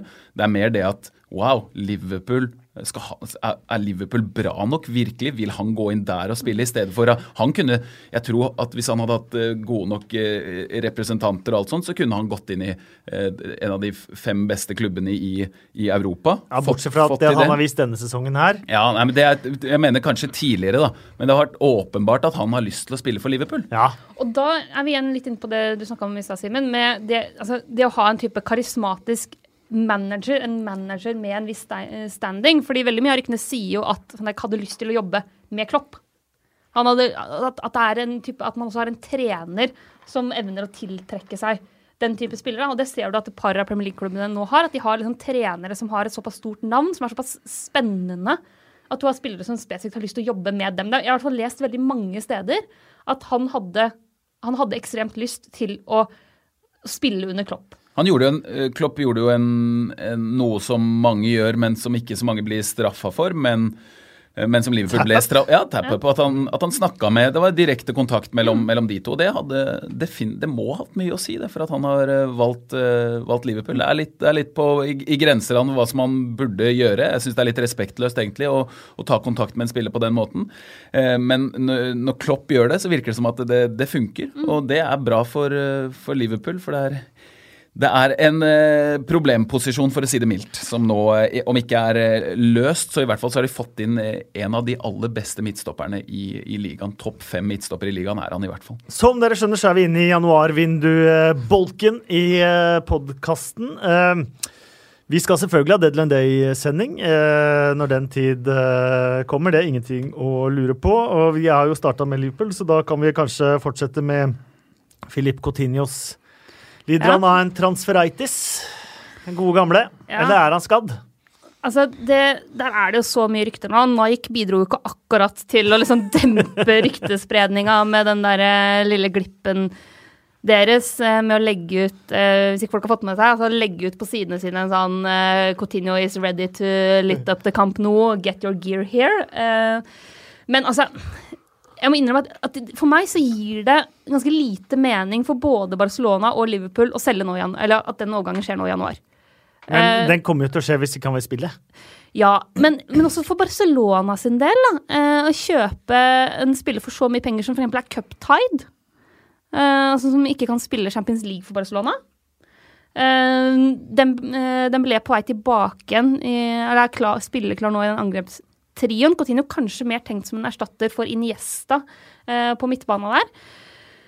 Men jeg, jeg veit at sånn som De har, eh, de har vunnet ligaen også, vel omtrent, eh, Barcelona. Det er jo ganske bankers. Tja, eh, men jeg så at han, uh, GM Ballage har jo nå sagt at det, det kommer et bud. Men jeg tenker også for Liverpool sin del, da. eh, og det å selge han nå i januar Han ville jo gå i sommer også, fikk ikke gå. Og har jo da bare OK, greit, da er jeg her uh, denne Til høsten. januar. Ja, men da er jeg her denne høsten, og så spiller jeg mitt beste. Og har virkelig en av de som har klart å bare legge det bak seg, har det sett ut som, og spille fantastisk god fotball. Jeg kan se for meg at Liverpool gjør en type deal med han Sier sånn, ok, greit, du blir ut sesongen, og så får du gå til sommeren. Men det, ja. ja, det blir spennende å, å følge. Mye penger i omløp. Eh, Liverpool kan handle enda mer hvis de Penger har ikke noe å si, var det ikke det du sa? Jo, men det, er, det, har, men det har jo ikke det. Det er, jo, det, er, det er såpass mye penger i omløp at det går ikke an å kritisere noen for å betale i hvert fall 75 millioner pund for den spilleren de vil ha da, i dagens uh, marked. Eller 130 millioner pund. Eller overgangsmarkedet er ødelagt. Men Liverpool vet at Pengene- Barcelona er desperate. Så Ja. Mm. Liverpool kan selge seg veldig dyrt, eller selge han veldig dyrt. Da. Det, det er jo tilfellet akkurat nå. Og, uh, Men det er da streik også kommer inn i bildet. Ja, ja, ja. For å få ned prisen igjen. Men, men ab absolutt, han kan jo gjøre det, og, og det er sånn det funker. Og dessverre så har spillere så mye makt, og, og, og spillere har så Altså, eh, Coutinho har jo vist seg lojal etter at han ikke spilte i, i, i sommer, så har han jo faktisk vært veldig proff, da, og det sa jo Oxlade Chamberlain i det intervjuet også, at, eh, at eh, Hør etter, liksom. Det, han har vært seriøs, men hvis det nå da begynner på igjen, så kan man begynne å snakke om illojalitet eh, på, på linje med det van Dijk har vist, og så mange andre spillere har vist uh, tidligere. I motsetning, spør du meg, til en som Alexis Sanchez, hvis vi skal vri oss litt over dit. da, Ja. For Coutinho-greiene kommer vi ikke så veldig langt på Nei, vi vei gjør ikke det. Uh, så vi har jo, et, eh, har jo et spørsmål her på, på Twitter um, fra Tobias Øen. Bør Arsenal selge Øzil og Sanchez nå, eller beholde dem ut sesongen? Aldri i verden om de burde selge Mesut Øzil. Nei, for han kommer til å signere, tror jeg. Og Ja. bare, bare, bare hør på Arsenal sine kamper. Hør litt etter eh, fansen. Jeg, jeg telte fire ganger i første omgang i den Crystal Palace-kampen. Der spiller altså Alexis Sanchez noen av de beste kampene jeg har sett han spille.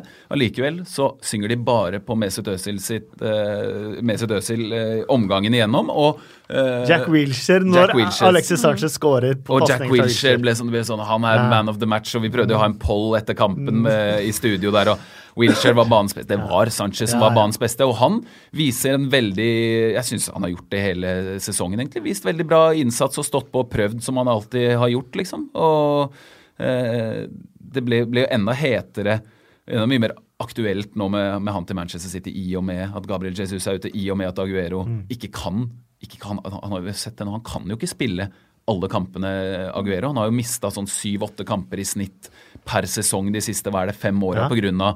småskader. Det vet de om. Sju med karantene forrige sesong. Men det, ikke sant? det i tillegg, så da fikk han hvile, da. Fikk en hvile i stedet. Nei, men det, det, Da kan du begynne å snakke om å cashe inn for, eh, for, for eh, Arsenal eller ikke. Hva er egentlig 40-50 millioner verdt for dem nå, hvis det er forskjellen på det? Tror jeg det fort kan være forskjellen på Champions League og ikke. Nesten. Men eh, Alexis Sanchez ut, en som ikke vil være der, og f.eks. en Thomas Lemar, Lemar. inn, hadde jo vært en spennende bytte, da. Men Men de får, sånn... de får ikke an, fordi hvis, hvis, det er, hvis det er det det er, kan jeg aldri vite, men jeg tror ikke, jeg tror ikke Arsenal kommer til å få 70-80 for Alexis nå. og Nei, maks 30 ut tenker jeg. Men, men de fikk jo 40 for, eh, eller 35 for eh, Oxlade Chamberlain, og hvis man legger sammen de to Ja, blir ja. De har råd til Lemar. Men de får konkurranse har, fra Arsenal Ja, ja. Arsenal ja. ja, Ja, ja. Men de er kommer jo- til å få tøff penger konkurranse, fordi Lemar er jo rykta til omtrent alle toppklubbene i, i Premier League. Så eh, Jo, kanskje Arsenal, men jeg ville ikke vært så trygg på det som Arsenal-supporter, altså. Det ville ikke jeg heller, men det ville jeg ikke vært på noen spillere inn til Arsenal hvis jeg var Arsenal-supporter. Men jeg jeg, jeg, jeg. Bare for heller bli positivt overrasket, som det heter. Ja, jeg er 100% på at de må for alt i verden gjøre det de kan, i hvert fall for å beholde både Özil og Alexis Sanchez, for de er så viktige, de er så gode. Jeg tenker at Alexis Sanchez er helt like greit å Hvis det er sånn at Men han spiller jo så bra! han har spilt elendig fram til, fram til nå. Han har ikke det, jeg er ikke enig i det hele tatt. Han- Jeg syns ikke han har vært elendig. Han har spilt bra, han har prøvd så godt han kunne. Han har mista ballen mye og alt det der. Få med meg det. Det gjør han alltid. Det, Det har han gjort siden han var i Ja, Barcelona. ja, absolutt. Men han har ikke vært på Alexis Sanchez-nivå men, men før nå, det siste Men hvis- Når han nærma seg hva, hva, januar. hva er alternativet? Alternativet er Iwobi og Welbeck og disse her. De må spille Det, det er jo ikke nærhet! Eller hvis du klarer å få tak i en spiller som faktisk vil være i Arsenal. Da Da For eksempel være- Thomas LeMar. Da må det være i orden før de fikser. ja. Og jeg vet, nå har de fått inn folk bak kulissene som sikkert er flinkere enn de som var der før. og alt sånt, jeg vet at det har skjedd mye. Men jeg blir så skuffa hver gang over eh, at, at Arsenal ikke gjør businessen tidligere og bare Ja, får ja, ting unnagjort. Og så kan de ikke, ikke, ikke Alltid gjør det sånn at- ja, er problem- Du må løse et problem. Mm. i stedet for å uh, kunne tillate seg å Ok, greit, det går bra. Takk for uh, innsatsen, liksom. Enig. Vi må snakke bitte litt om pengene til Southampton òg, for det er to rykter som jeg syns er morsomme, er jo Theo Walcott og Daniel Sturridge inn der. Ja. Det hadde jo vært eh, Og Giroud. Å, se det uttrykket til Simen! Nei, tror du de løser noe, liksom? Nei, men Theo Walcott er jo en eh, true saint. Eh, og Ja. Daniel Sturridge, han eh, trenger å spille fotball før, eh, hvis han skal komme seg til noe VM. Kanskje det kommer en sånn superspillesugen Daniel Sturridge som finner fram igjen avslutningene sine. Men og en Theo jeg, Walcott som ho big homecoming. jeg har jo en teori om Daniel Sturridge. At han ikke er sulten. Mm. Han, han har egentlig ikke så veldig han, han er fornøyd med å være eh, en veldig godt lønna, ganske profilert eh, Premier League-spiller som kan eh, ha den livsstilen han har nå, og kose seg. Men han er egentlig ikke så veldig opptatt av eh, suksess. Han er mer opptatt av å, å, å ha det ålreit. Jeg, jeg tror det virkelig. Ja, og han virker jo det er det verste, han virker jo som en utrolig ålreit fyr. Mm. jeg har jo møtt ham på toget. faktisk. Han tar jo lett toget, han, eh, etter, etter match. Eh, hvor jeg har sett ham både hvor han har møtt folk på togstasjonen og, og vært utrolig hyggelig mot dem. Vi vet jo at han og Mats Zuccarello ble jo gode kompiser i, eh, i USA da de var på behandling eh, sammen. Og Zuccarello er en toppfyr. Eh, så jeg tror at eh, hvis de kom godt overens, så må Sturridge også være en, eh, være en bra, bra kar, som eh, kanskje er laidback til eh, mye i livet. Men det er jo derfor Og også Walcott er en fin fyr. ja, men det er, men det er kanskje, ikke, det er ikke, det, men, det er men det er kanskje derfor, hvis de nå har et mål om VM begge to eh, De kommer til et Southampton hvor de kan komme inn litt sånn som redningsmenn begge to. Kanskje det kan være med å sette litt eh, fyrverkeri baken på de? Og der er jo også Giroud litt i den samme potten, sant? når det kommer til eh, spilletid og, og VM. For han også blir jo rykta en del til eh, Southampton på lån eller eh, salg eller whatever. Mest lån, fra det jeg har lest. Og han også er en spiller som trenger spilletid for å kunne ha en sjanse om å spille VM, sant? Men vi er vel enige om at det Southampton først og fremst trenger, er mål. Paulo Dybala. Slutt å til Southampton i Nei, ikke til Southampton. til Manchester United. Det er Ja. jo et rykte. Ja, det er det. Det hadde vært en, det hadde vært en helt utrolig bra signering. Ja, Ja, du hadde det? Men jeg tror ikke noe på det. Det kommer- Nei, det er jeg altså, tror kommer sånn ikke der til å skje. Deadline Day eh, januar-rykte, men vi må jo kose oss litt med, med dem, da. Men er ikke Mourinho også litt sånn at han er ikke så gira på å drive og handle så mye i januar? At han er mer liksom for en OK, vi har sommervindu, og da kan vi gjøre ordentlig business og planlagte ting, og ikke så gira på sånne å og tette litt hull her og litt der i eh, januarvinduet. Han er dønn avhengig av suksess. da. Han er Ja. jo, Det er sesong nummer to bla, bla, bla igjen, men det er faktisk en veldig pressa mann. og Ja. Man vet jo eh, Jeg tror ikke at Mourinho tenker så veldig langt fram i tid. Han tenker resultater nå med en gang. og Aldri mer enn akkurat nå, egentlig, hvor han føler seg såra, tror jeg.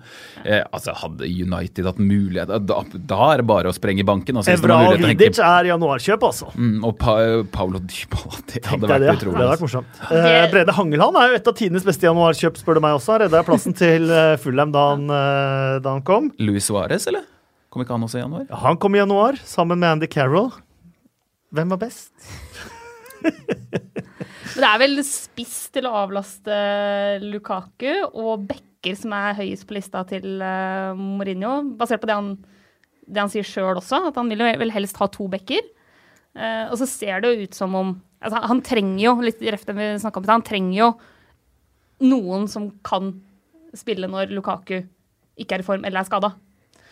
En rein type spiss. Men det ville vært helt idiotisk av Juventus å slippe Dybala. Ja, men det kom- det de kommer ikke til å skje. Det har kommet en hands off-warning Bra, der, som det heter. Men det eh, høres for, for sjukt ut. utrolig morsomt spisskjøp som virker også være veldig reelt. Det er jo Moussa Dembélé og Brighton. Ja, det er gøy! Ja, det er litt gøy. Det er kjempegøy. De trenger også en spiss litt annet enn eh, de tunge Glenn Murray og Tomer Hemed, selv om Glenn Murray alltid skårer mål. Eh, så får du en ung, energisk, rask Syns det høres ut som et veldig fornuftig valg av han, hvis han tar det. Og drar et sted hvor han får spille fast i eh, på en måte mest populære ligaen, hvor han syns veldig godt og løser et problem og kommer til å skåre en del mål.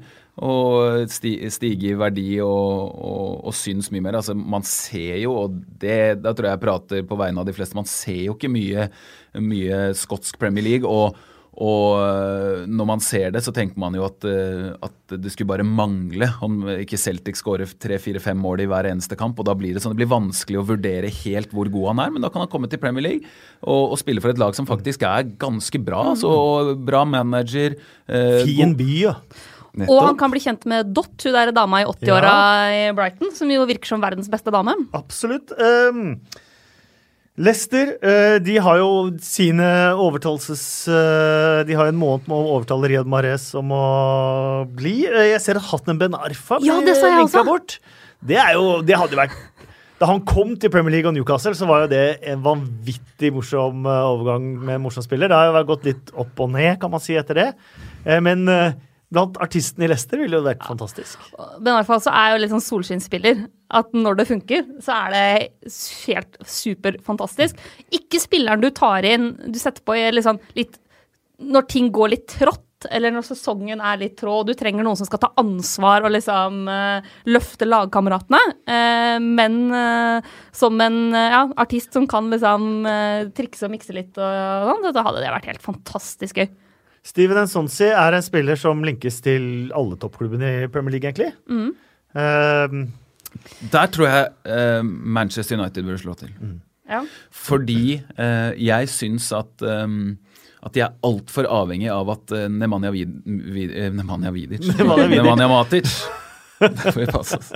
Matic, at, at de er altfor avhengig av at han er feilfri i, i hver eneste kamp. Og når han ikke får noe særlig konkurranse, den posisjonen er liksom bankers for han. Han er, han er, et, han er virkelig en av de beste i den posisjonen i, i hele verden. Men, men de er eh, det, Hvis han blir skada, hva da? Hvem skal, hvem skal spille der? Andre Herrera er ikke god nok i det hele tatt. Eh, eh, Paul Pogba er ikke, er ikke den spilleren som uh, Matic er unik, men faktisk, jeg sa det forrige sesong før Matic gikk, at en sånn er jo perfekt for, så, som erstatter for Michael Carrick. Hvis de kan få han for en OK pris nå, jeg har forstått at han er litt ute i kulden i, i Sevilla, det har ikke funka helt der, så er det bare å slå til. Jeg syns også Liverpool uh, burde kikke på å vurdere en sånn. Ja, og, og jeg, jeg er ganske sikker på at en sånn se ville vært en, en god spiller å få inn i de fleste av klubbene i, i Premier League. Men nå får vi se litt, fordi Sevilla har jo fått ny trener. Uh, og jeg har ikke helt hørt noe nytt enda. Fordi han, altså, en sånn som har vært kjempeute i kulda fram til nå. Uh, han har jo ikke spilt, han, det har vært helt klart at han var på vei bort. Men vi veit jo ikke helt hva som skjer nå når Sevilla skal ha en ny trener, som kanskje vil komme Jeg hørte bl.a. på, på Petter Wæland og, og resten av gjengen i La Liga Loca hadde en sånn overgangsepisode hvor de sa at det er en mulighet for at man nå set, prøver å si sånn OK, da setter vi strek, og så får du en ny sjanse, liksom. Eh, og så glemmer vi det som den beefen du har hatt med gjengen her tidligere. Blanke ark. Så det er litt mer altså Hadde det vært for to uker siden, så ville jeg sagt at en sånn City Premier League var bankers. At det var solklart at det kom til å skje i januar, og forhåpentligvis Sander Berge inn i Sevilla.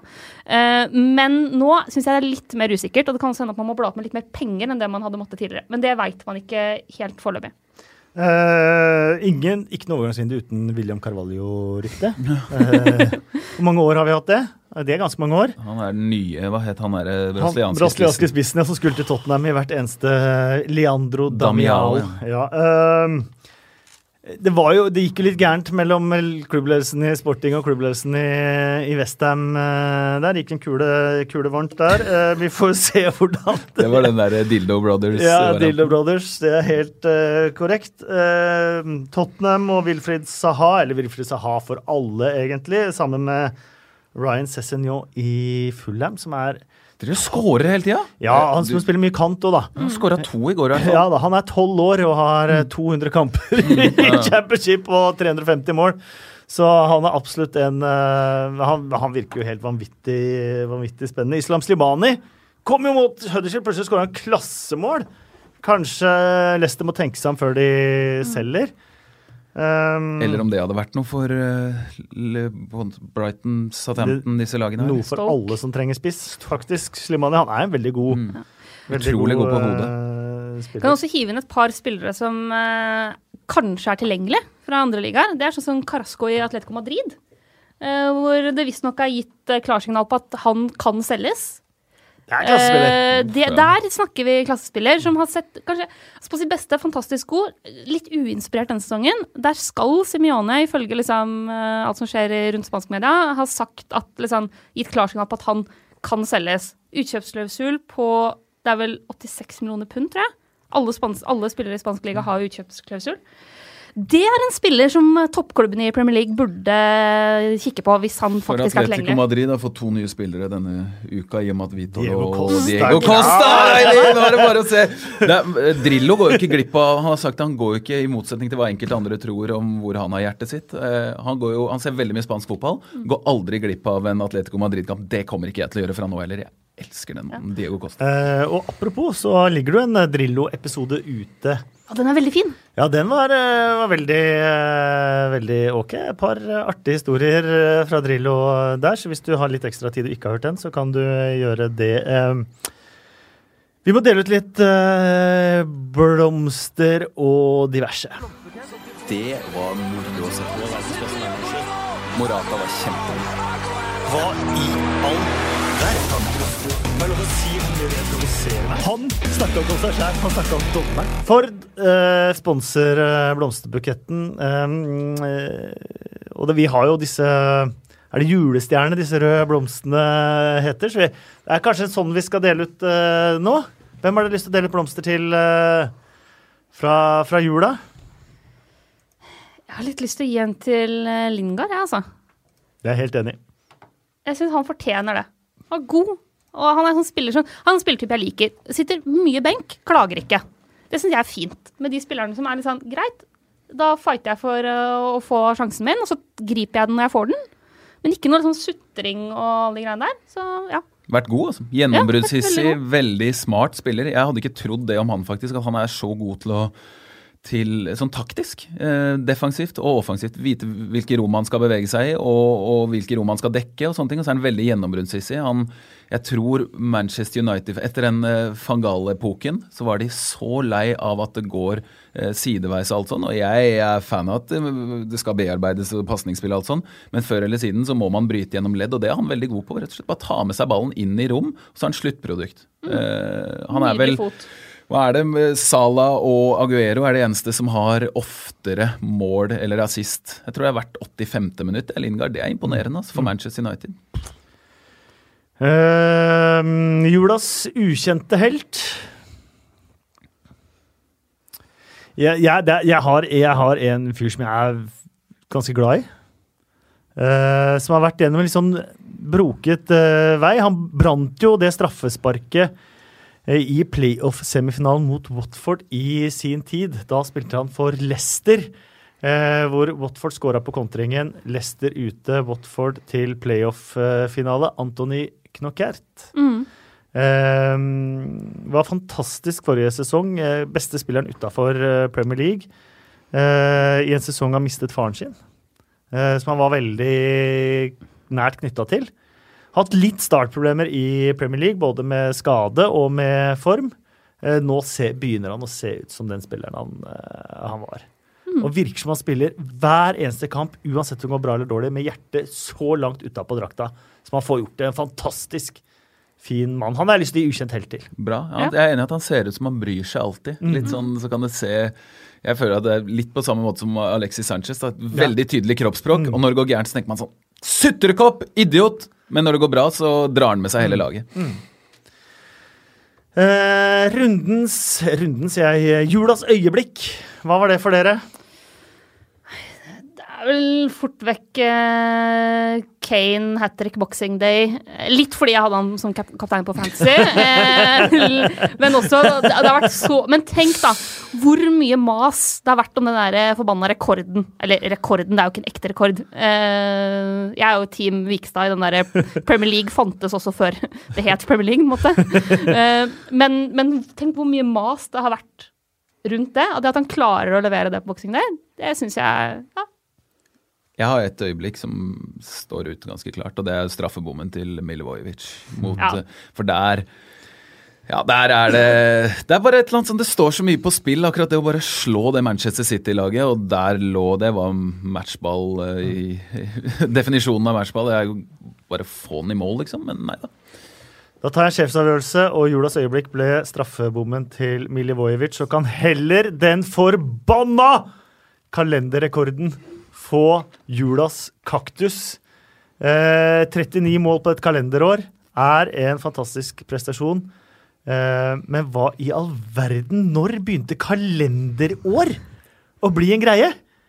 Vi spiller sesong fra sommer til sommer. Og hvem var det som fant på at nå skal vi begynne med kalenderår? Jeg har aldri hørt om noe kalenderårrekord. Hvem av dere hadde hørt om Alan Shearers kalenderårrekord eh, 1.12. i år? Ingen. Men sånn, veldig ofte så har det vært snakk om at Arsenal er kalendermestere. Så folk bare hæ, ledd av det, hvem bryr seg om det? Men med en gang det er snakk om noe liksom sånn som faktisk er noe, Tro, mener folk. Jeg, jeg det er helt, helt med på det. Kalenderår! Og så gikk jeg bare Det gjennom eneste bare, sorry, kjapt, det eneste er jo at et kalenderår, i hvert fall nesten, når det er sånn november til november, er det vel, eh, gullballen, Ballon d'Or, der spiller det jo faktisk inn. Der syns jeg at det, det har noe å si at eh, man kan snakke om kalenderår. For er det sånn 2017? Det, det setter ting litt i perspektiv når man skal drive og regne opp hvem som faktisk har vært de beste spillerne. Hvis, jeg er ikke noe fan av Ballon d'Or, for jeg syns det, det er en søppelkåring så lenge den beste spilleren som noensinne har vært, ikke vinner hvert eneste år, sånn som Zlatan gjør i, i, i, i Sverige. Vinner hvert eneste år han spiller, så skal selvfølgelig verdens beste fotballspiller vinne hver gang. Men når det er den kåringen, hvis den skal ha noe verdi i det hele tatt, så syns jeg kalenderår, mål per kalenderår, har noe. Greit. Og men så kommer vi da til rekorder. Rekorder. Ja. Når fotballen har eksistert siden 1888, hvorfor skal du begynne å regne fra 1992? Jeg klarer ikke å forstå det. Så jeg gikk bare eh, og fant den største målskåreren eh, jeg kunne tenke på. Eh, Dixie Dean, og så gikk jeg gjennom årene hans. Og fant ut at han hadde 46 mål han i 1928. Eh, og det, Jeg vet ikke om det er rekord eller ikke, det kan godt hende at det er rekord. Men det er i hvert fall flere enn Harry Kanes i 2017. Og jeg mener, Folk sier jo om det var en annen fotball da, om man scora flere mål da, og bla, bla, bla. bla, bla. Uh, for det første så var fotball annerledes, men det er ikke nødvendigvis at man scora annerledes mål. Vi hadde aldri sett på 80-tallet et lag, nei, en spillere som skulle scora det antallet målet uh, som Messi og Cristiano Ronaldo har gjort hver eneste sesong. Det er Boeing-nummeret for oss som levde på 80-tallet, bortsett fra Clive Allen, som hadde 49 eh, en sesong, alle turneringer på, eh, for Tottenham. Det er det, er det. Så, da kommer vi tilbake til den der Når skal vi stryke VM-historien? Når skal vi stryke Gerd Müller og Pelé og Garincha og alle Cruyff, Beckebar, alle Platini fra EM? Når skal vi sette den streken? Eller skal vi bare regne fra første VM, eh, som var gått før krigen? Ja, og, det, og VM har jo forandra format mye mye mer enn det liksom, Premier League har. da, For de som snakker om i Premier League-æraen at det liksom er noe helt annet enn engelsk førstedivisjon før det.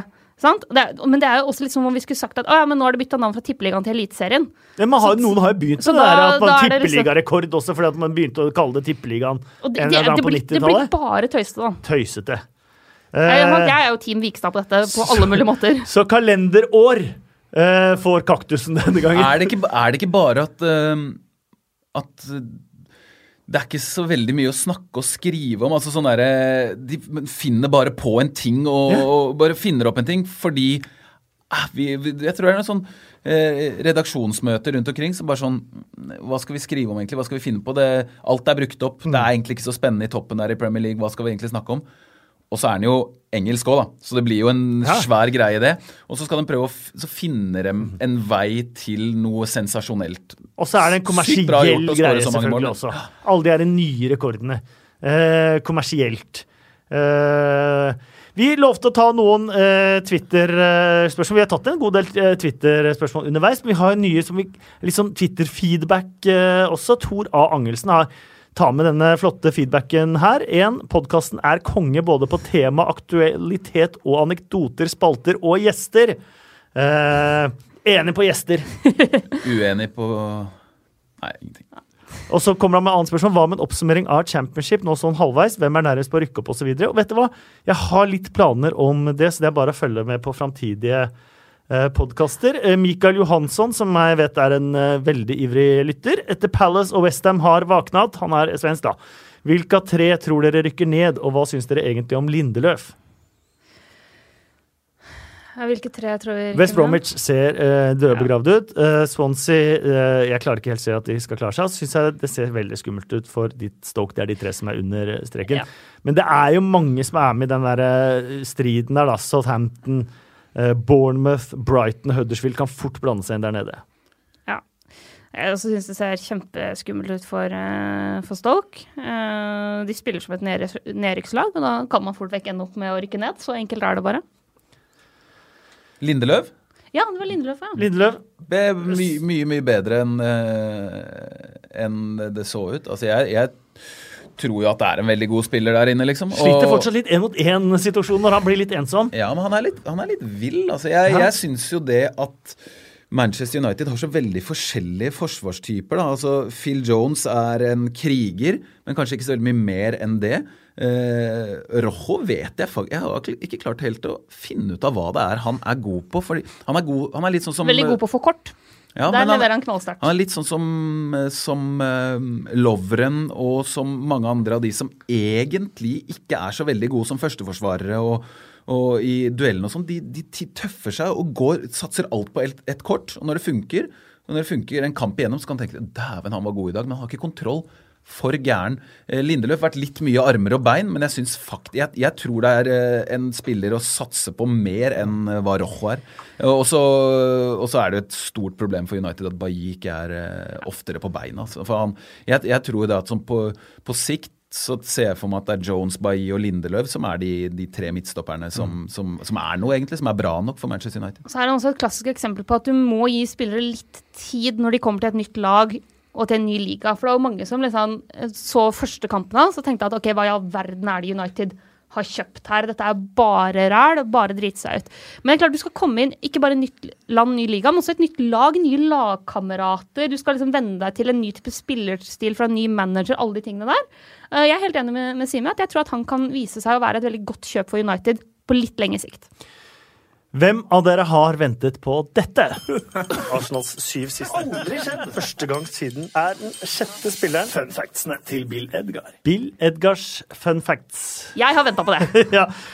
um, Bill Edgar, uh, som er altså mannen som, uh, som eh, har statistikk og fun facts og litt av uh, hvert i The Times hver mandag i bilaget The Game. Eh, vi eh, rapper og siterer eh, rått fra han hver eneste podkast. og nå skal dere få et lite innblikk av hvordan hodet hans fungerer. Et hode jeg må si jeg elsker. For nå skal dere få et par av de mest litt out there fun factsene fra nyttårshelga.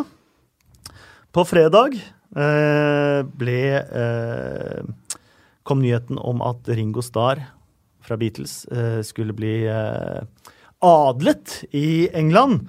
Og dagen etter Følg med nå. Jeg må lese den på engelsk, ellers mister den sin mening. Eh, yellow for submarino. Mikkel Merino fikk gult kort og ble bytta ut. Og, og det er så vakkert. Eh, vi hadde også a team with bet 365 on their shirts, altså Stoke, conceded to Chelsea in the third minute, again six minutes later, and finally let in five. The team with M88, altså Bournemouth, eh, på drakta, scored an 88 minute winner. Det var ikke verst. Bare det å tenke de tankene syns jeg er helt fantastisk. Og det gjør han selv. Ehm, tar vi med et par ikke eh, så perifere fun facts, men eh, Tottenham har hatt toppskåreren ti ganger siden de vant ligaen i 1961. Det er klart flest ganger, men de er de eneste som ikke har vunnet ligaen. av de som har toppskåreren såpass mange ganger. Crystal Palace eh, i ligaen denne gangen. De første elleve kampene ni tap. De neste elleve kampene ett tap. Det er ganske stor forskjell. Ja. Du ser spørrende ut, eh, Simen. Likte du Bill Edgar denne gangen? Ja, jeg begynte å tenke, på, begynte å tenke på Crystal Palace. Eh, terningkast fem denne gangen. Det er ikke alltid like bra som det. Nei, det syns jeg var bra. Ja.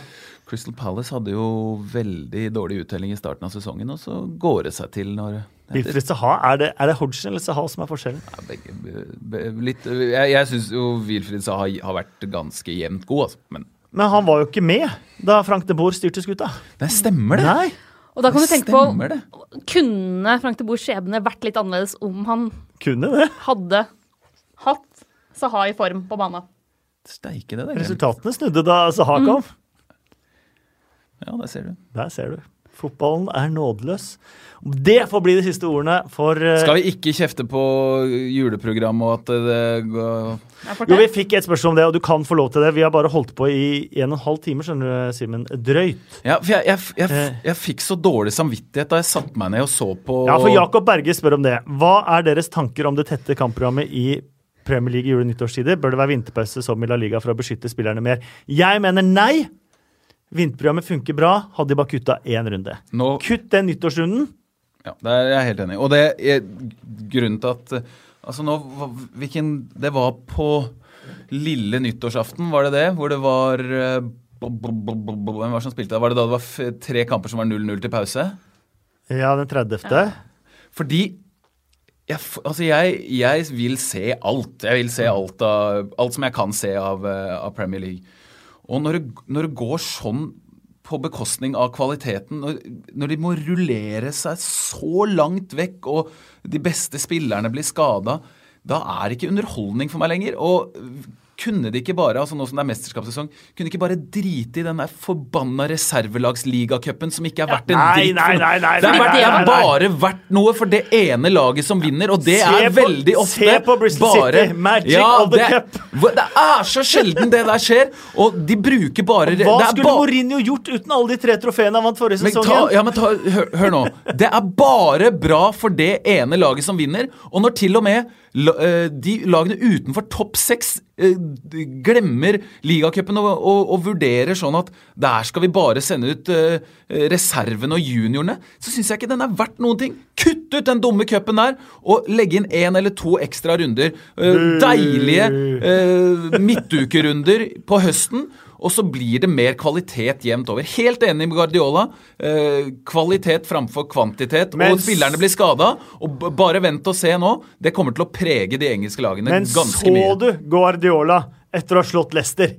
Det er den største jubelen han har Men hatt denne er sesongen. fordi- Da han ned i svingen der og sang med på sangen sin. Og han var så glad Guardiola for å ha gått videre i ligacupen. Hadde ikke gjort Han- det hvis det ikke var straffekonk! Han er så glad fordi han vinner en kjempetight kamp på straffer. Det er grunnen til at han er så glad. Elsker For jeg hadde ligacupen. tenkt å foreslå det akkurat det samme som Simen. Altså, man må kunne klare seg med én cup. Nei. Altså, alle Før andre hadde vi Zenit Data. Systems Cup, og det har dere glemt. Uh, så da hadde vi tre innenlandscuper. Det er enig at det ble litt overkill. Jeg må bare ta en Guardiola-digresjon. Hvis jeg får lov til det? Altså, det er din podkast, Så vi går så på den, da. det er jo du som er sjefen her. Sangen hans er jo i, i, i den Manchester City-supporterne har jo stjålet klubbsangen til Crystal Palace som sangen til Guardiola. Uh, uh, men vet Guardiola dette her? Jeg må, bare, jeg må bare se om jeg finner den, så skal vi få, se om vi får bare hørt eh, sangen som da er en fantastisk Glad All Over heter den Palace-sangen. Det er ingenting du blir så glad av som å høre den. Eh, den er sånn her. Eh, nå skal bare telefonen min tenke Der, ja.